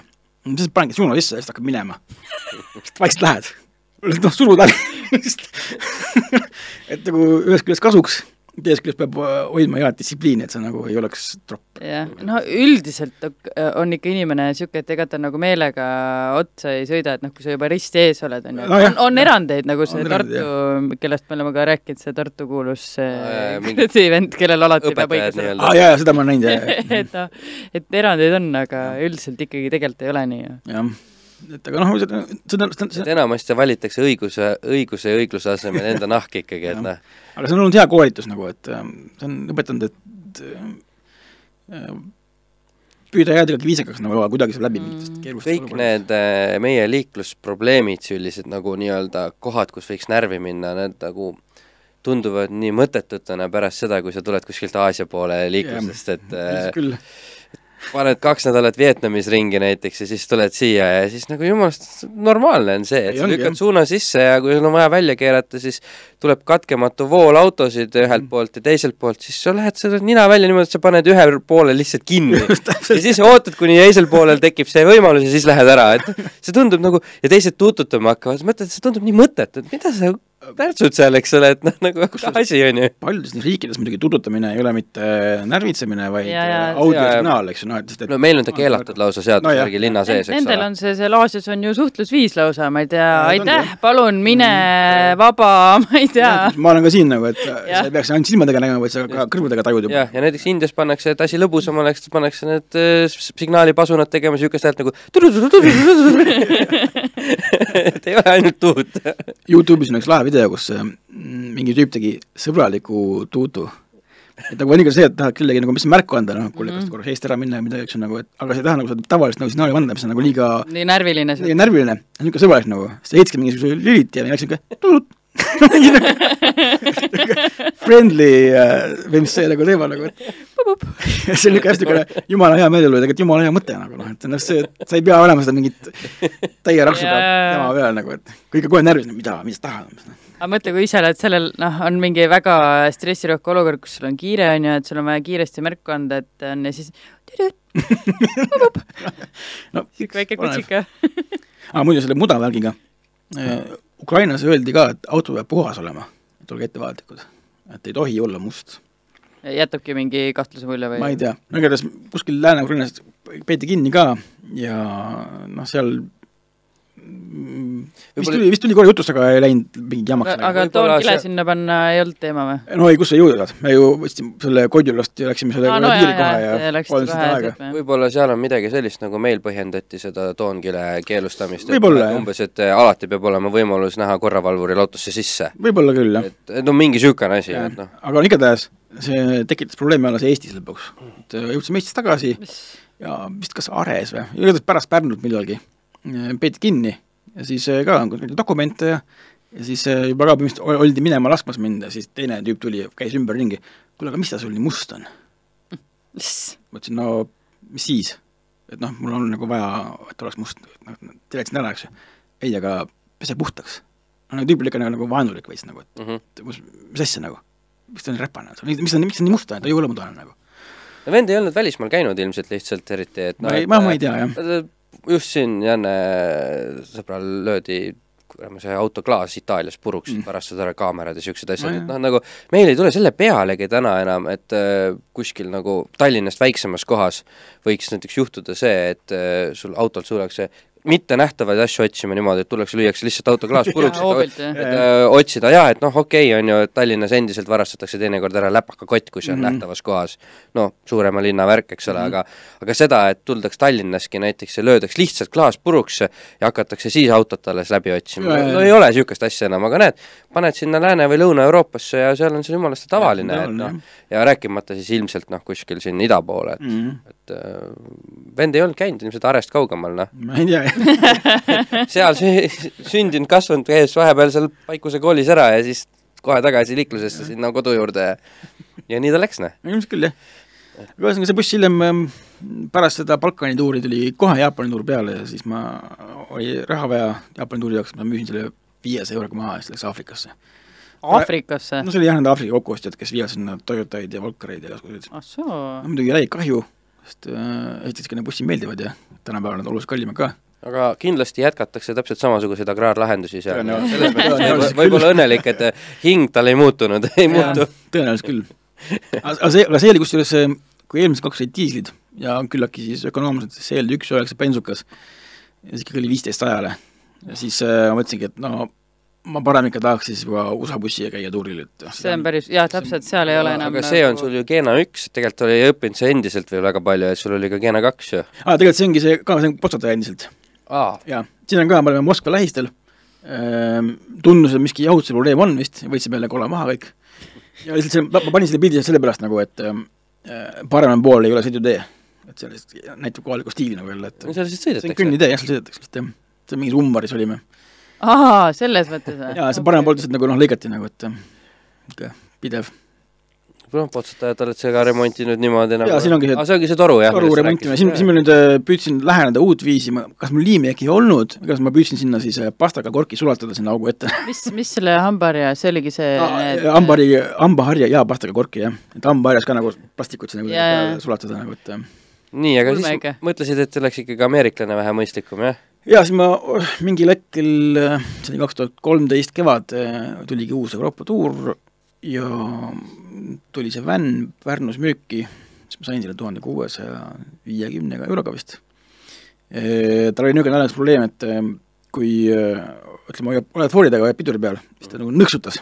tahtsid koha pealt nagu kohaga ära minna ja hullult, noh, nendega hakkab välismaa auto mm., vesi looksub põhimõtteliselt. pidid kas panema pargi peale või lihtsalt ära, ära kannatama. Ja terve selle viie tuhat, viis tuhat kilomeetrit see igatahes käis ära, kuus koma kaks diisel, mul on olnud teine kuus koma kaks diisel vänn ka, millega ma olen samamoodi üle viie tuhande kildi käinud Euroopas. nii et kui paljud räägivad, et see kuus kaks on hirmus vända poolitaja, siis Ventwelli poolitaja, siis ma ei, minul on head kogemused nende Detroit diislitega igatahes. ja on ökonoomsed, mingi kaksteist. oota, aga siis sõitsidki niimoodi jõnksutades oled foori taga kuskil, eks ju, ootad nagu siis, oota, ma arvasin ära, ma panin pargi peale lõpuks või neutraali peale millest, millest niisugune asi siis tingitud ma ei tea, mis seal lihtsalt oli kastis. nii väga tahtis sõita kogu aeg? ma ei tea jah, aga no on ikka munad mehel tegelikult, et nagu niisuguste teadaolevalt juba probleemsete autodega läheks nüüd, lähme paneme kümme tuhat kilomeetrit Euroopasse. ei olnud võimalust rohkem uut asja enam saada. mul ema just äh, käis äh, Poolas, po- äh, ei, ta tegelikult kaugemale. kaugemal natuke ja ma ei, mis ta on, kaks tuhat kolmteist aasta X5 või no ühesõnaga ei ole väga vana auto. see ei ole, see ei ole usaldusväärne auto ju. ei, lasi kõik hooldused enne ära teha, et läheb pikale sõidule. läbi logistada ennem ka, ja, ja Ja kõik, kõik, lasi ära teha ja siis äh, pihustid. ikka läks petkina noh, näed. et ja siis sa, sa vabatahtlikult, teadlikult lähed juba siuksega, kus sa tead, et noh, seiklusi hakkab olema, onju. Jaa, ei no ma lasin ta üle vaadata, aga see on kõige mu- murevabam masin olnud, tal ei juhtu mitte midagi tee peal. nagu mitte midagi. Hiljem käisime Soomes mingil otsal ja siis ma lõpuks pidin kahjuks maha müüma, sest oli vaja vinüülplaat äh, välja anda ja siis ma müüsin Mhm. bussi maha, et vinüülplaadi tegemiseks raha saada. aga siin pildi peal loodetavasti ikka kallimalt müüsid. ei, paraku minu stiilis müük ei õnnestu niimoodi tavaliselt ikka, ikka kahjum. aga siin pildi peal on põnev see, et ülemine pilt on äh, Poolas gra-, antigravitatsiooni mägi või niisugune tähendab gravitatsiooni anomaalia mägi, kus äh, vesi voolab üles mäge, auto veereb üles mäge, üles mäge joosta on kergem kui alla mäge ja, ja nii edasi, et ähm, koha peal oled, sa näedki, et ongi mägi üles mäge ja on kõik. ilmselt tegelikult on mingi optiline illusioon, sest seal ei ole horisonti näha Mm -hmm. ja siis nagu noh, ei taju seda aa, langust, hästi niisugune piiripealne langus siis nagu, et tundub. Aga noh, koha peal oled sa ikka väga, väga põnev on vaadata, kuidas, ma võtsingi, tegin Youtube'i video ka sellest, et äh, bussil äh, panin neutraali peale, ise tulin välja ja filmisin eemalt, siis buss vaikselt veereb mäest üles ja see alumine pilt oli lihtsalt põnev, et sõitsime Tšehhis mingist Dukovani tuumajaamast mööda, lihtsalt oli põnev vaade. jahutustornid. jah, no vot, ega et äh, sõidetud üksjagu, aga tegelikult võib-olla kõige markantsem niisugune tuurisõiduk on jäänud veel rääkimata praegusel hetkel. Jaa, see oli mm, tuuriauto või? noh, ütleme tuuribuss ikka. tuuribuss, jah. see oli Austraalia tuur, kaks tuhat kümme, noh ka täielik survivalism jälle, sest ilmselgelt raha ei olnud, kuidagi sinna saime, kuidagi seal kohapeal laivi rahade eest saime järgmisse kohta ja, ja isegi vahepeal rentisime ühe auto, jutt on siis Volkswagen Beetle'ist, sellest vanast õigest. No see on juba selle püstise esitulega, aga siiski veel mingi kuni seitsekümmend kolm vist oli see kire või? või noh, see nii-öelda, no ta on ikka õige. no ikka õige jah vana, jah. ja ei ole kume, kumerklaas veel ei, ees. ei, aga see oligi Sydneys ähm, kontserdi korraldaja auto ja meil oli vaja lennujaama minna, et Brisbane'i lennata ja siis ähm, äh, ta hakkaski, laenas enda auto lihtsalt meile, et sõida ja siis panime sinna kola sisse ja olmiste pilti peal näha, kuidas kola on täis, sinna läks veel siis kaks inimest ka, siis ma viisin ähm, kaks inimest ja kola ära lennujaama, kuidagi muidugi eksisin, seal GPS-i ei olnud, leidsin tee siiski tagasi ja pärast läksime helimehe koos ülejäänud kolaga siis veel rongiga. Mm, ilma piletita, kuidagi hüppasime üle nende mingite aedade, sest mingi segadus oli millegipärast, me ei saanud seda piletit osta, et meil jäi nagu pahatahtlikult, aga lõpuks, läks, lõpuks läks nii lihtsalt kuidagi jah. aga lihtsalt niisugune, mõtlesin, panen selle pildi kah, et um, oma, omapärane tuuribuss. vot sellega oleks olnud paras teha terve Austraalia tuur ära, onju. jah, üsna, üsna, üsna soliidne oleks olnud.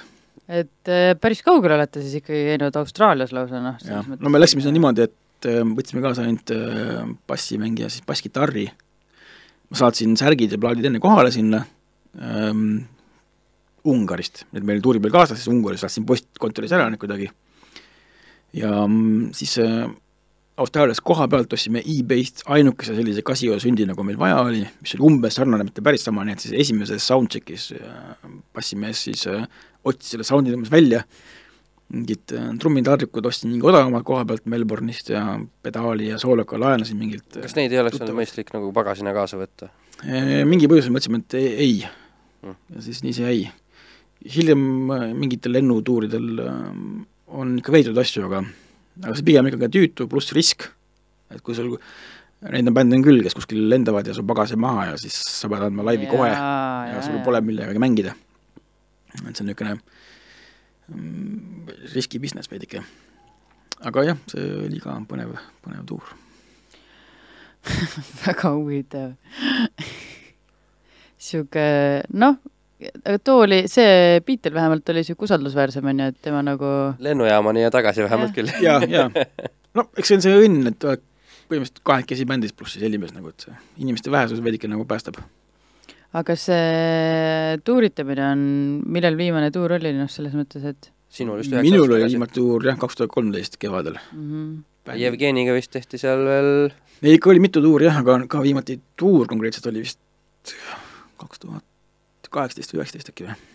no pärast seda ei saanudki enam teha ju, kakskümmend oli Ei saanud suht jah. cancel niikuinii kõigele, et et isegi kui sa olid planeerinud endale midagi, siis aga on nagu seda tunnet ka, et noh, et tahaks nagu veel või, või pigem ei ole Ehm, nagu, nagu väsinud? pigem niisugune, et noh, tõenäoliselt mingi tuur, nagu mingi tuur ikka millalgi tuleb mingisugused, aga nagu niisugust, niisugust hullumeelset eh, DIY sõgedust ei taha, et pigem tahaks veidike nagu inimese moodi kas nüüd on Talbot juba nii suur bänd, et saab nagu sedasi ei vähe viisakalt?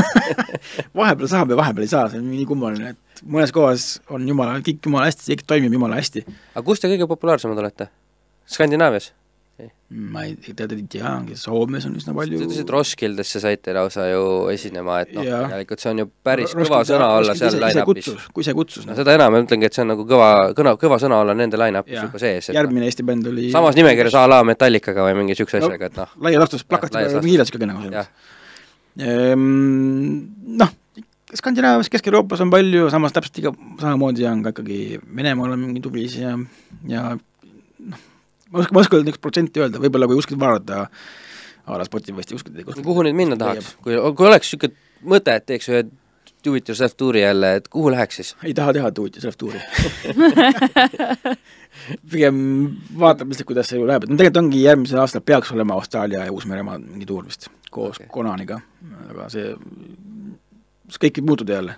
see on, see tegelikult pidi juba mitu aastat tagasi olema see tuur, aga siis jäi järjest ära Mm. Lõun-, Lõuna-Ameerika, no seal oleks palju metal-fänne, aeg näitab, aeg näitab, mis, mis, mismoodi see läheb vaata Aafrikas võib-olla oleks eriti äge, ja kindlasti jah. sinna on õige Land Cruiserit vaja. jah, aga muidugi tulles tagasi selle juurde, et eh, kas on midagi muutunud, kas bänd on juba nii suur, siis no nüüd ongi nagu see, et mm, sellel kevadel esimene live oli Soomes kohe mm. -hmm. mingi festivalil. Ja noh, seal hakkas kohe pihta nagu selles mõttes, muidugi alates sellest, et esimesel loojal läks trummi pedaal puruks, kohe oli seiklus jälle ja siis kuidagi jälle tümitad midagi, sa mängid ära, teed nägu, kõik on hästi ja siis äh, asi lahenes mingil, mingil moodi. kuni lõpetas sellele, et lähed öösel kell kolm siis lõpuks hostelisse äh,, hostelisse, mitte hotelli, siis näitab jälle ära, kus tasemel sa oled oma bändiga. ja siis hostelis sulle öeldakse, et oi, aga, aga teid on ju kolm, aga tuba on ju kahele inimesele pandud kinni. Ehk siis korraldaja oli toime pannud ja pannud kahele inimesele mm -hmm. toa siis noh, ka mõtled jälle, et noh, et bänd on juba võib-olla päris suur juba, et sa, on kihvt ja rahulik, siis lähed sinna tuppa ja siis lõpuks lepid sellega, et sa magad rätiku peal.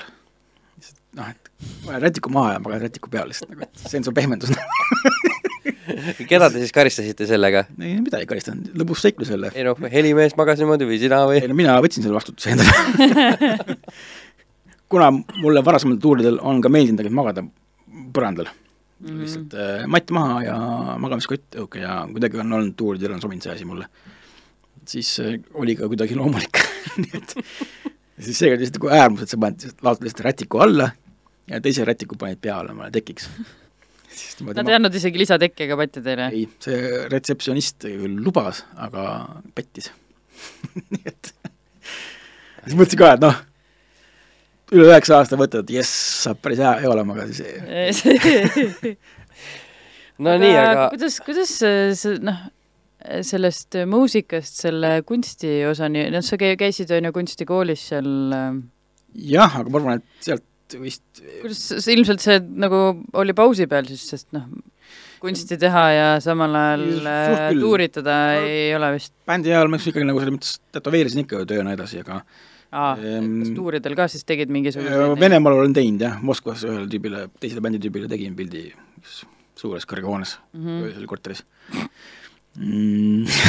mitte kõige selgemalt ilmselt. ei, nagu- mina olen selge, sest ma juba sel hetkel olin alkoholi tarbimise lõpetanud ah.. ma ei, ei, ei tarbi mm -hmm. aineid. suhk-, suhkur on mu suurim sõltuvus liiga õudne asi. aga kust see noh, kus see kunstimeel nagu siis, ma saan aru, et kas ta alguses oli, siis kadus ära ja tuli tagasi? ütleme see, et noh, tätoveerimise mõttes ta on alati olnud, eks ju no,, alates neljateistkümnendast aastast, äh, kui on konkreetselt selle pinstripimise ja custom paint'i juurde minna, siis see esimest korda tuli kaks tuhat kaheksa, kus korra leiad selle Amazoni pildi näiteks mm, -hmm. siis seal ongi, vot siin ma teengi kaks tuhat kaheksa aasta mm, augustis öö, või juulis, polü mis on see Bikersi klubi, klubi juures, see klubi polü, mitte polü Polu, ja, ja, ja Polümer. Polümer, jah, Polümeri hoovi peal see on alles enam? jaa, on. vist, vist isegi on, jah. seal ma lihtsalt tegin oma esimese stripe'i siis ja oma Amazoni peale. enne veel äh, lihvisin auto lihtsalt liivaga ka matis ka, et ei nii, et katus on läikiv ja ülejäänud kell oli niisugune mõnus, mõnus rott. tegin sellise tikilaadse kuju sinna. mis ja see pinstripe on?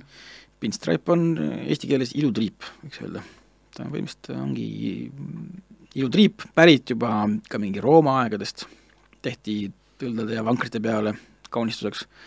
nüüd ongi tehtud noh, läbi sajandite, eks ju.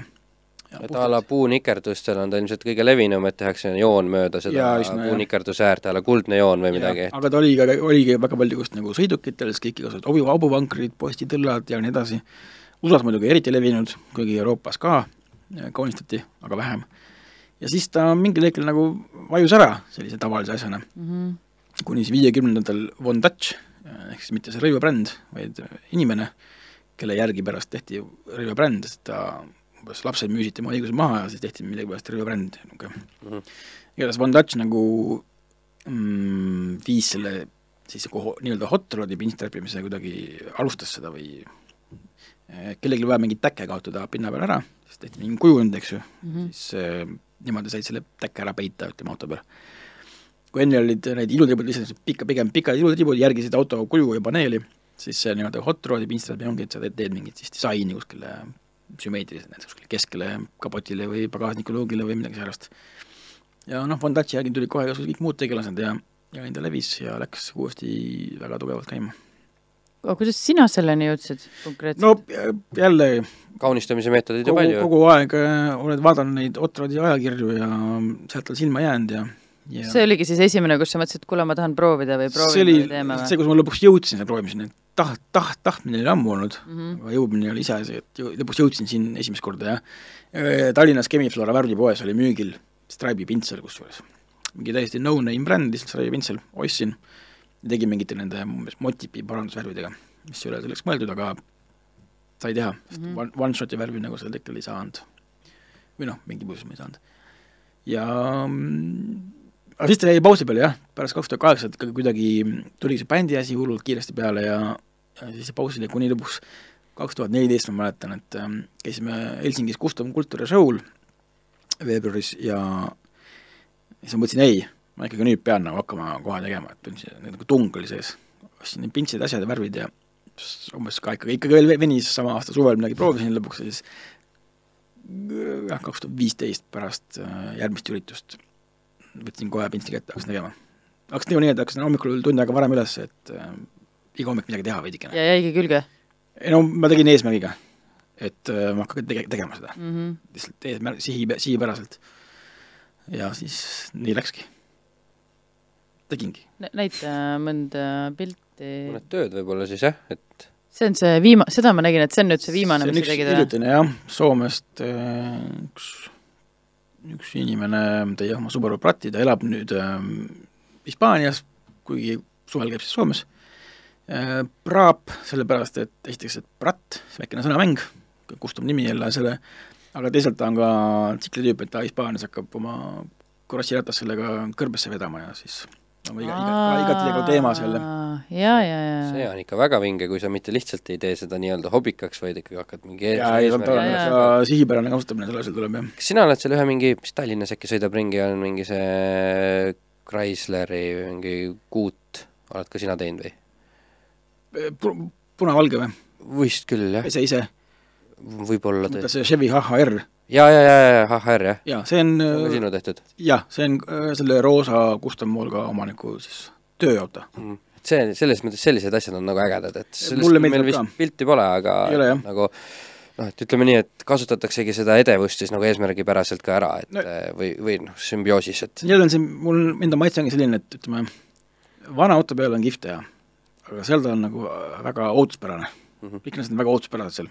mulle endale kõige rohkem meeldibki see mm, -hmm kui tehagi näiteks kaks tuhat viis, kaks tuhat kümme aasta auto peale, rohkem või vähem stripe'i või mingi custom paint'i või midagi teha, see on minu arust väga nagu palju värskema vibe'iga. noh, see ja noh, ilmselt üks lemmikuid, mis sa, minule, mis sina oled, milles sina oled nagu osaline olnud, on siis see nii-öelda madalprofiili Dodge Ram. see on, ma arvan, üks selles mõttes tuntumaid ka või noh, nüüd teda näeb vähem kuidagi, aga mingi, mingi periood oli ta ikka igal pool kogu aeg no, oli, jah. pildis. no siin oli idee see, et teha selline auto üldine suund oli, ta töötas ka kergelt Poso Soku nii-öelda siis, Helen nimetab ise Poso, Poso Sokuks lihtsustatult, selle kerge meeleolu oleks esiotsa pool, niisugune hainina natukene, natukene pikendatud, pikendatud. on jah pikendatud, eks ole mm -hmm., plekist sealjuures pikendatud. just, just, just, Erki Joon tegi CSG-s ja, ja välimuse, värvi poolest siis selline äh, kaheksa- ja üheksakümnendate enam rohkem just üheksakümnendate mini minule meenutab küll Miami Wice'i värve või jaa, ei ta ongi, üheksakümnendate minitraki teema, ta ongi niisugune GTA Wice'it see. Jazz on selle stiili nimi vist või selle kujunduse mm -hmm. stiili nimi nagu. Jazz on niisugune kergelt ähm, värvide poolest ka niisugune vaporwave ja mingi säärane teema. aga see idee ta oli ja niimoodi, et see ei ole laki all, et see on kõik tehtud aa, ei ole käsitsi pintslite ja erinevate švammide ja asjadega tehtud kõik peale sest et äh, jällegi Eestis seda ei teata, eriti ka just USA minitraki skeenes ja muidugi Jaapanis ja mujal on see väga tavaline, et kogu graafika tehti kõik peale, lihtsalt peale. küll mitte võib-olla nii suures mahus. sinu sellel äh, Aspenil ma just vaatasin, oli ju lakk peal. katusel on, muul, muul kerel ei ole. aga kas Aa, see lakkimine ei aitaks teda nagu paremini säilitada, et kui teda veel kasutada ka? lakk on, lisakaitse on kindlasti, lakk teeb ka sügavamaks pildi ja kui hästi, hästi nagu siledaks, siledaks lasta, siis ta ikka on mõnus, kui ta seal nii-öelda kuskil sügaval all on see kujundus. aga esiteks see on ka oluliselt suurem äh, töömaht, mis siis on. ka väljendub ka rahakulus, ajakulus ja kõiges muus, ja teisalt ähm, otseselt pole nagu vaja. ma mõtlen, et kui sa poleerida tahad, siis sa ei saa ju poleerida seda pigem ei soovitaks yeah., jah. aga, aga samas ma ise olen samas ka seda meelt, et ähm, auto peabki ausalt kuluma, minu arvates ja mitu ma päeva, seda patina usku. mitu päeva sa siis sellist nagu tervet seda autot ma tegin umbes tundides näiteks? ei oska öelda. po- poolteist kuud vist umbes. et kui siia vahepeale küll jäi ka see, et sündis laps ja siis ma ei saanud kogu aeg olla Mm. pidin olema eemal mõnda aega. aga näiteks needsamad need roosad siksnakid, mis on külje peal on, et nende kujusid ma teipisin, või kuju teipisin ette mm, mingisugune paar päeva ja siis seda roosa, roosade triipude sisemust ma tegin nädal aega. et see lihtsalt, lihtsalt võtab aega mm, -hmm. lihtsalt äh, puhas elbow grease ja, ja lihtsalt töömaht on räige. selles vaates vaadates ütleks küll, et nagu siis see lakkimine vaevalt nüüd väga suur kulu peale läks veel. noh, jah, aga teisalt siiski ma ei näe nagu vajadust. see, noh, saad selle kivi sinna peale, keegi rimustab, siis äh, okei okay,, see lakk mingil määral kaitseb äh,, võib-olla see kivi ei jõua alati nii sügavale, aga teisalt siiski mm, minu arvates on jumala lahe, kui, kui tulevadki jäljed peale.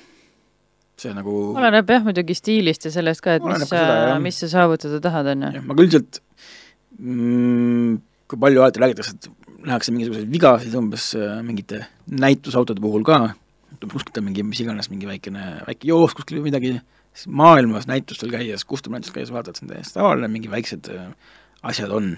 see Mhm. mm. nagu mm, see see on norm-, et, et, et näha, et neid autosid kasutatakse nagu, on ju. perfektsionism ei ole, ei ole mitte midagi head tegelikult Mhm. no, see on tegelikult lihtsalt hullumeelsus. see on ka äge, jah.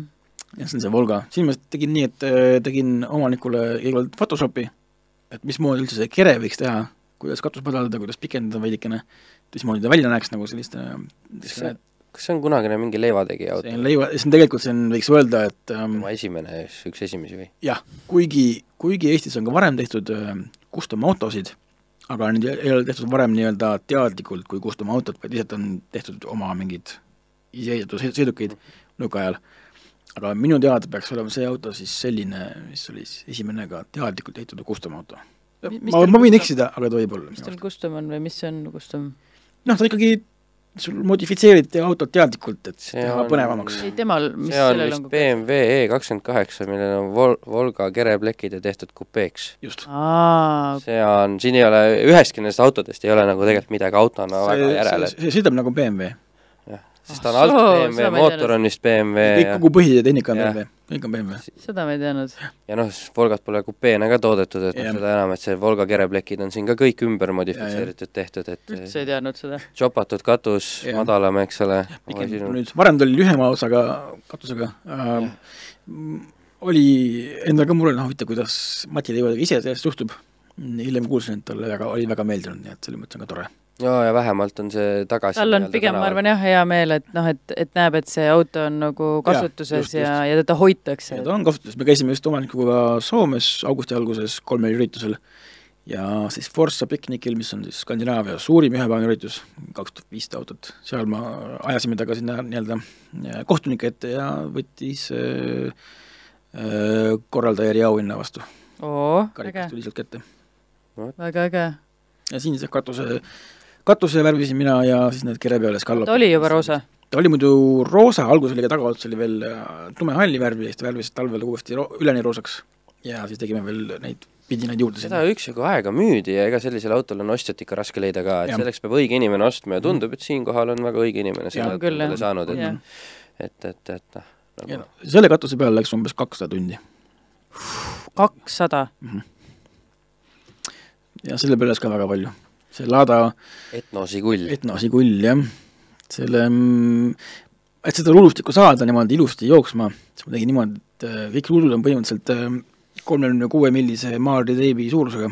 ma lihtsalt äh, teipisin terve katuse kõigepealt ühtepidi, aa, ja, ja siis kõrvale teibid, siis teistpidi, siis joonistan välja selle asja, juhe läks täiesti kokku muidugi selle süsteemi peale, siis lõikad kõik need vajalikud ruudud välja mm., siis värvid ära, siis eemaldad, siis tegelikult muud süsteemid, külje peale ta on ka pikad tegelikult, üks nagu üle triibud lähevad, siis neid ka triipe ma, külgetriipudes neid ruutusid ma maalisin ka mingi nädal aega järjest vist, niisugused öö, poole sentimeetrist ruudud, sa lihtsalt joonistad neid põhimõtteliselt piksleid sinna pintsliga. aga see ettevalmistus on ikkagi päris üks, üks pikemaid protsesse ilmselt siin, seesama see teipimine ja, ja, ja idee loomine kõige. rohkem võtab aega tegelikult niisugune ettevalmistus, pärast värvimine on juba kiirem, kui sa just ei tee neid piksleid ru- ruutusid, eks, või mingi kärbes sumiseb. ohoh, reaalselt ei kuulda tüüpi. oli, oli, tahab ka saatesse tulla? erikülaline. noh, siin ka muidu, katuse värvisin kõigepealt valgeks, siis lasin sinna eh, Pearli ja valget flake'i veel peale, siis sa lakid seda, uputad kõik ära, siis sa lihvid siledaks, siis hakkad tegema graafikat, graafikule lased varjud serva siia, need tumepunased varjendid, siis jälle äh, lakid, lihvid, siis tegime stripe'id sinna ümber, siia tegime sinimustvalge, kuna Eesti teemaline ja, ja siis jälle lakid äh, paksult, jälle vahelihv, jälle lakid, jälle lihvid, jälle jumal. poleerid, noh siit see maht tuleb.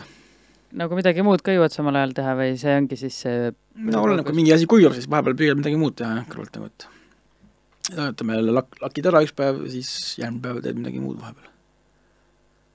Aga kas se- sellised inimesed, kas need on mingid tuttavad või täitsa võõraid inimesi on ka, kes mõned on tuttavad, mõnedega oled pärast tuttav. nojah, selle auto omanik on muidu tätoveerija mm, Šveitsist üldse. ta, ta on eestlane, ei ole? ta on minu arust on ta vist Itaalia päritolu šveitslane kuidagi. aga ta käib ka Eestis, tal on Eesti abikaasa, aa, okei. lapsed. ta käib vahel, vahelt, vaheldub oma elu Šveitsi ja Eesti vahet. ja sõidab laadaga.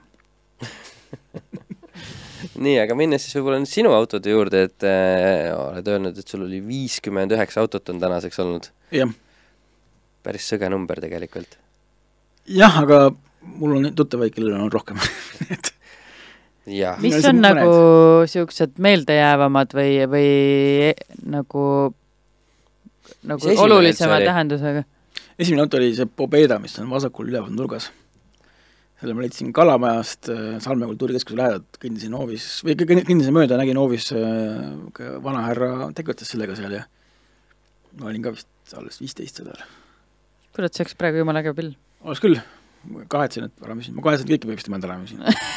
sest äh, noh, siin on väga palju autosid, millest mul ei ole pilte, kas mul, kuna mul ei Mhm. ole kaamerat või mida iganes nagu, et ja ja, ja, ja siis jah, selle Pobedaga noh muidugi siis ma olin siis veel ka nii, nii noor ja tätt, et ka muidugi custom tuhin oli peal ikkagi mm. ja me shave isime lingid ära, aga noh, makroflexiga.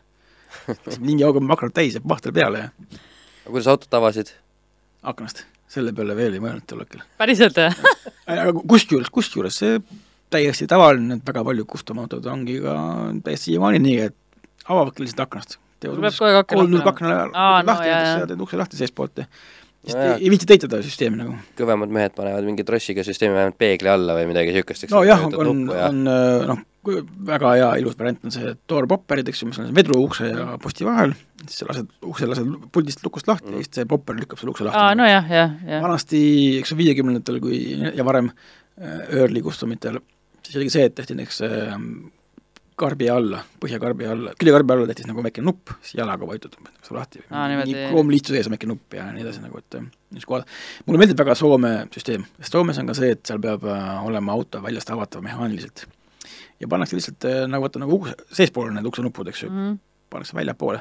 mingi ilus, kas mingi metallnupp, pannakse klaasi serva peale niisuguse, uputad ära nupp aa, nojah, jah. vajutad lahti selle ja ja Soomes on üks väga lahe Hot Rod kolmkümmend viis Ford vist, millel on tehtud äh, peeglist, siis keerades saab peeglit, küljepeeglit, oh, on ühendanud trossiga ära. Päris lahe. keerab peeglit ja avab ukse sulle.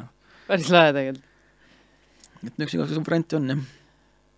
no siit äh, Chevy Astro buss mulle väga meeldis, see oli kunagi El-, autoajakirjaniku Elmar Otsa buss, tema oli teinud endale selle niisuguse ka minitraki stiilis äh, kujunduse, see oli päris lahe sellega on ka päriselt hea sõita.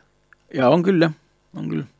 seal pildi peal on ka mingi jää peal, ta üks öö jäin sellega seal vanalinnas kodus äh, kinni mingi niisuguse paari sentimeetrise jäätüki taha, siis äh, kell kolm öösel lihtsalt äh, lõpuks panin käigu sisse ja lihtsalt lükkasin õuest seda bussi nagu ise kuidagi sealt, no noh, täiesti absurdne olukord, lihtsalt, lihtsalt ta lihtsalt ei läinud enam üle, tagavedu ja üks ratas vedas ja jää peal oligi kinni mingi tikutoos taga põhimõtteliselt mm,. see, mis see on? Subaru või? ei, Toyota Corolla nelivedu universaal mm, sa arvad, siin sa proovid mingeid panin- kõrvale kõrvale need kolme kodaga, jah. Selle auto ma olen tegelikult täiesti kindel, et ma ei taha seda autot, ta mulle, mulle, ta mulle väga meeldib.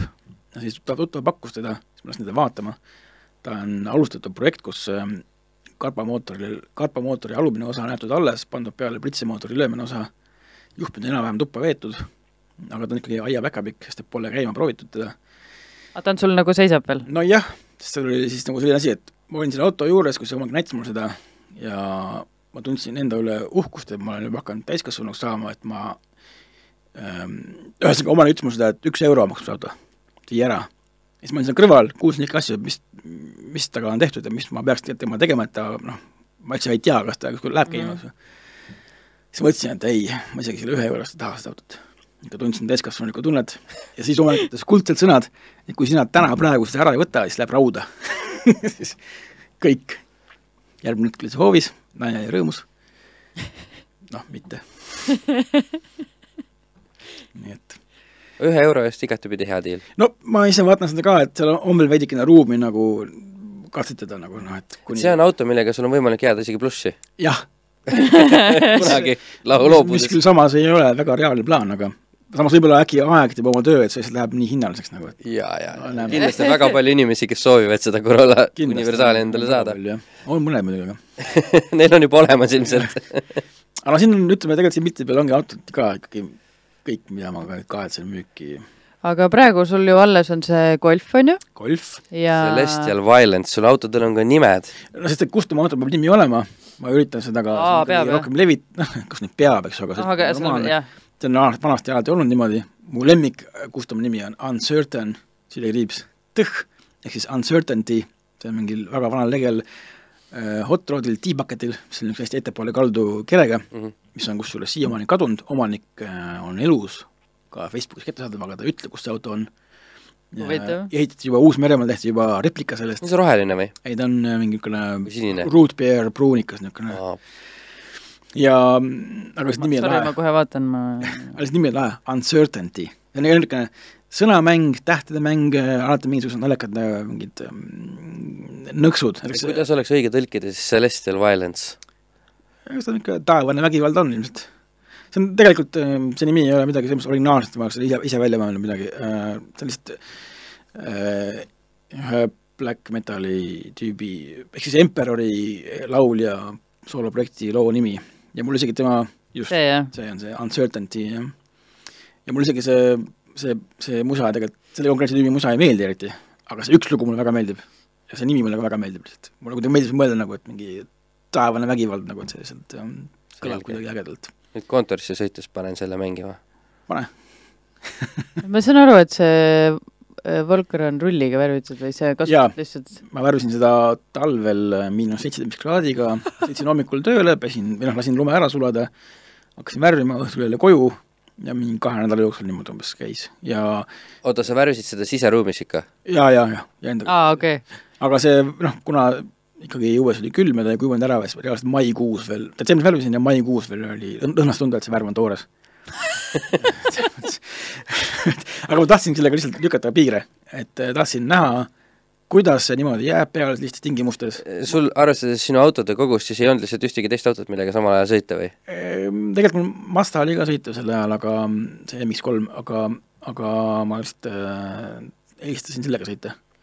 ja mm, ühesõnaga jah, katsetasingi, ma isegi, isegi mingite kordadel ma enam ei puhastanud alt üldse mingit seda lumeläga maha, lasin sulada, siis värvisin otse peale ma lihtsalt tahtsin näha, kuidas see lõpuks sinna kinni jääb, et teada, teada ka mingeid enda ekstreemsemaid piire. kõik automaadrid praegu oigavad kindlasti. jah, aga see meie kuulajate seas neid on kindlasti. aga see-eest mul on teadmine, kuida-, kui kaugele ma saan minna aga see Golf on sul ka ikka selles mõttes tehtud väga-väga robustse stiiliga, on ju, et noh, et, et, et ta peab välja nägema, et ta on äh... ta hästi välja nägema see, et ta on niisugune nagu, nagu patiina, aga teisalt ka oota, vahepeal kui paatina, siis paatina. tähendab äh... mulle ei meeldi öelda paatina, mulle lihtsalt, mulle meeldib öelda patina, mulle see eestikeelne variant lihtsalt, lihtsalt ei meeldi. nii, ja selgita siis neile kõigile see... ära, kes ei tea, mis see sõna tähendab. no ütleme lihtsalt äh, kulunud mm, -hmm. elu näinud, väsinud.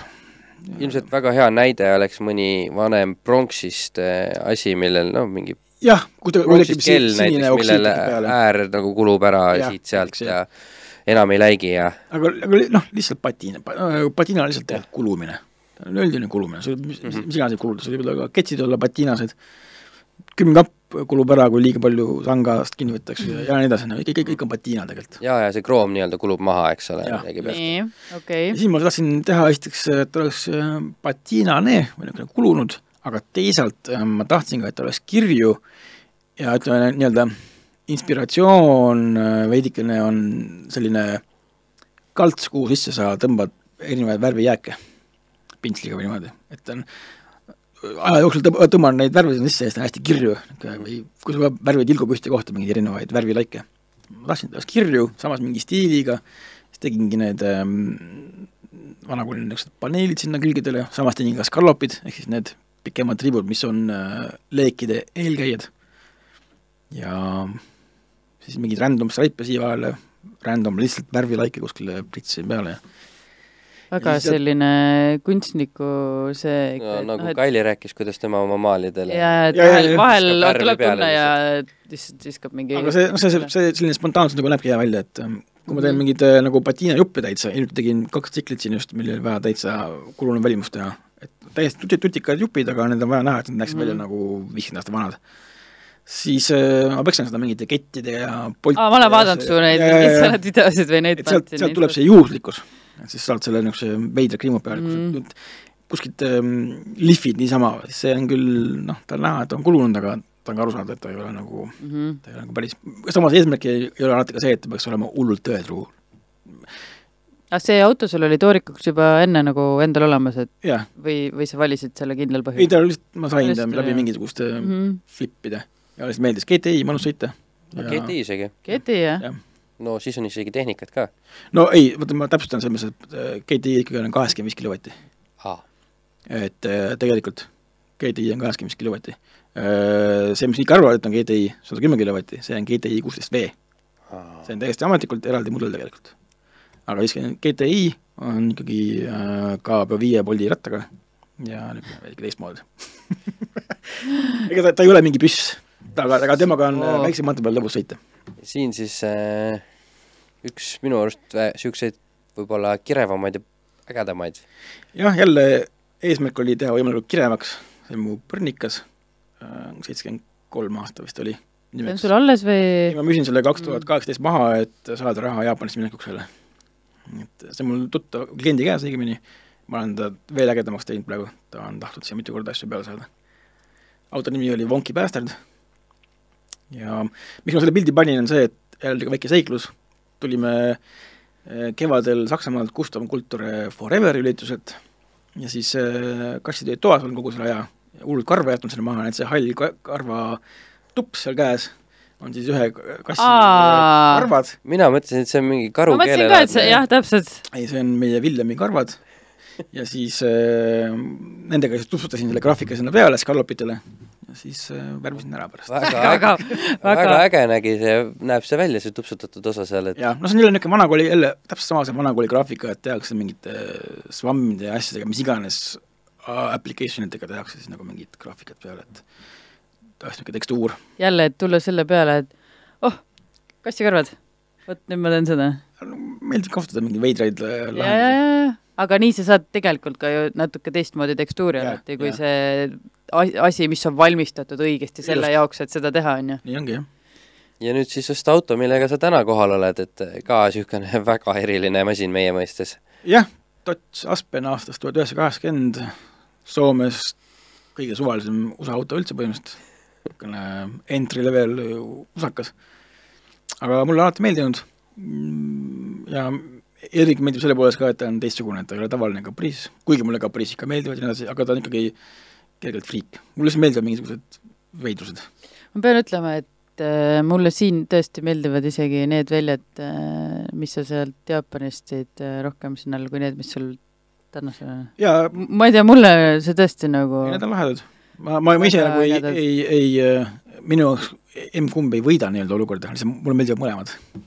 Mulle meeldivad lihtsalt võib-olla niisugused mittetavalised Nad on üsna teistmoodi, jah ja.. jah, et neid nagu tänavapildis, neid kodaraga noh, tavalisse nii-öelda selles Jah. mõttes, et kodaratega niimoodi sa näed, aga vot niisuguseid äh, ja see auto on väga Jaapani stiilis ka, sees on lühter.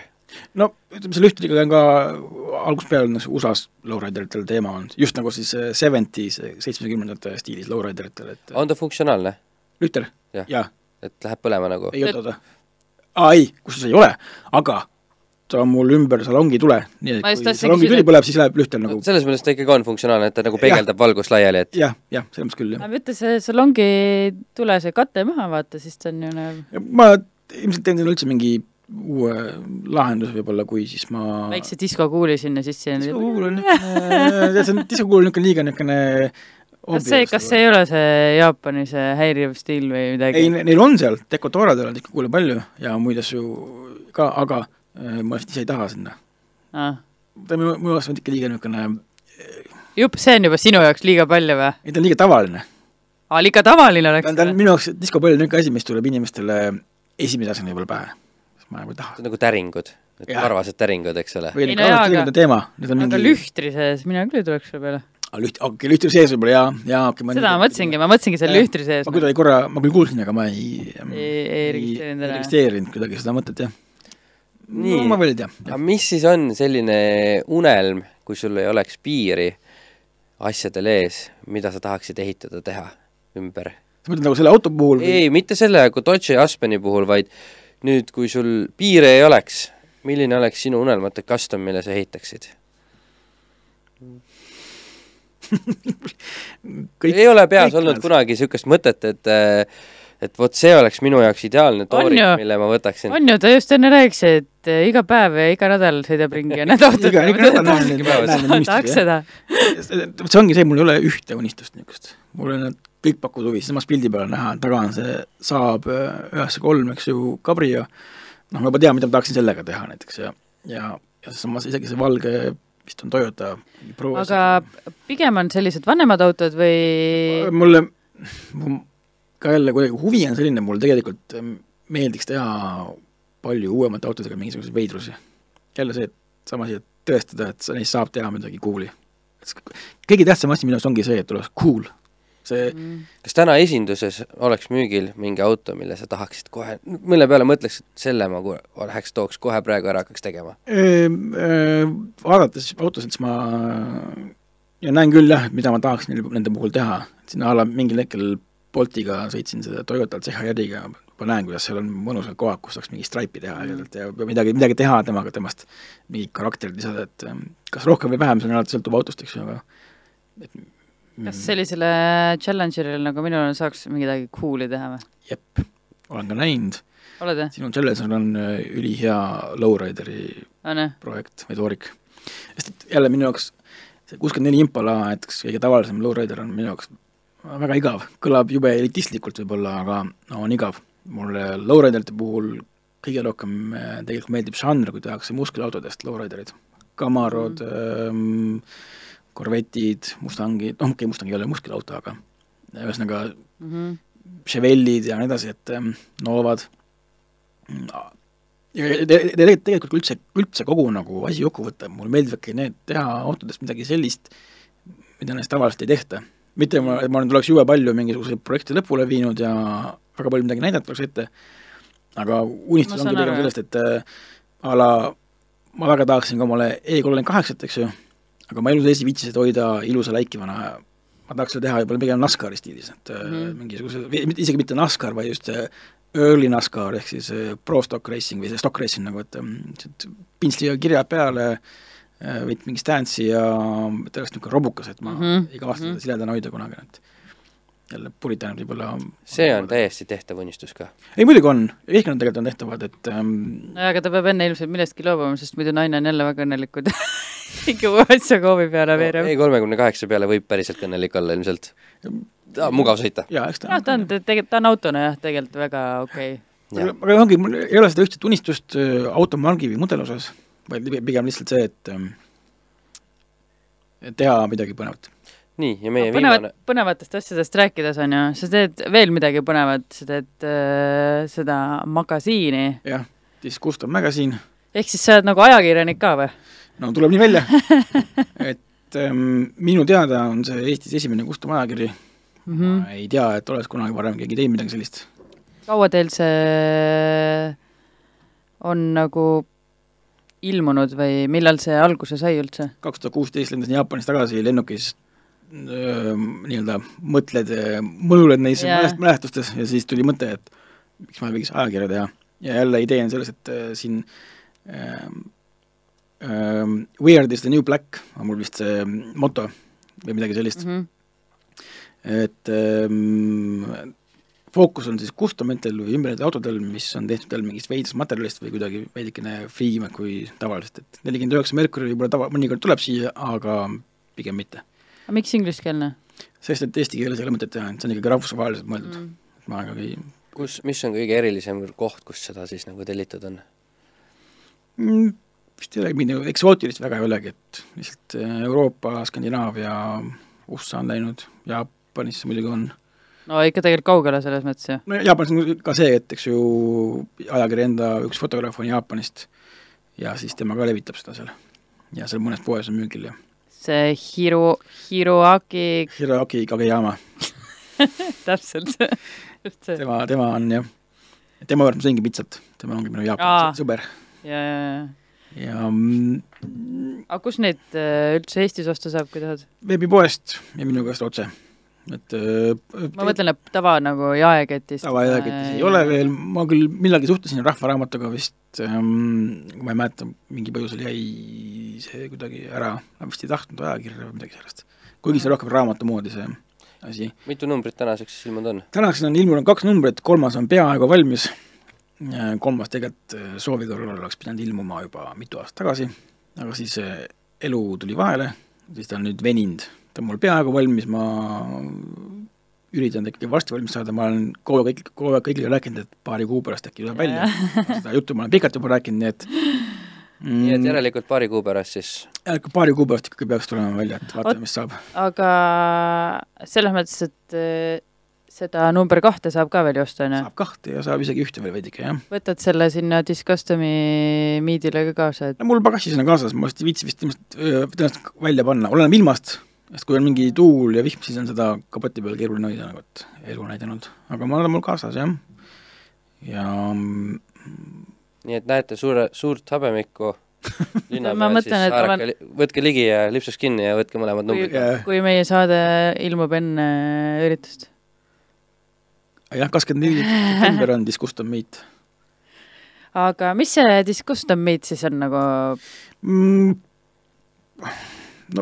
CSG Bergiga hakkasime tegema niisugust nagu väikest nagu üritust või kogunemist ja eh, eesmärk on ka see, et ei oleks nüüd nii, et on lihtsalt USA auto kogunemine mm või umbes ainult äh, BMW-d või ainult Stans või midagi. jällegi, jällegi kõik on Jaapanis kantud ikkagi, et kuidagi see nagu väga laiapõhjaline oleks nagu, et lihtsalt põnevad sõidukid kohal. see on alati, vähemalt nii palju, kui ma olen eelnevate aastate puhul näinud, et hästi sõbralikult võtate te nagu vastu kõiki, kui keegi on küsinud, et ma ei tea, kas mul kõlbab oma sellisega tulla, siis noh, alati on nagu viisakalt öeldud, et muidugi, et tule igatahes ja no seal paljuski see on inimese enda sisetunne küsimus nagu, et Mhm. sa, kui sa tõesti tuled nagu kohale täiesti stokk B5 Passatiga nagu, et siis see võib-olla polegi põnevam ei sulle Ja, ega, ega, ega, muudele külalistele.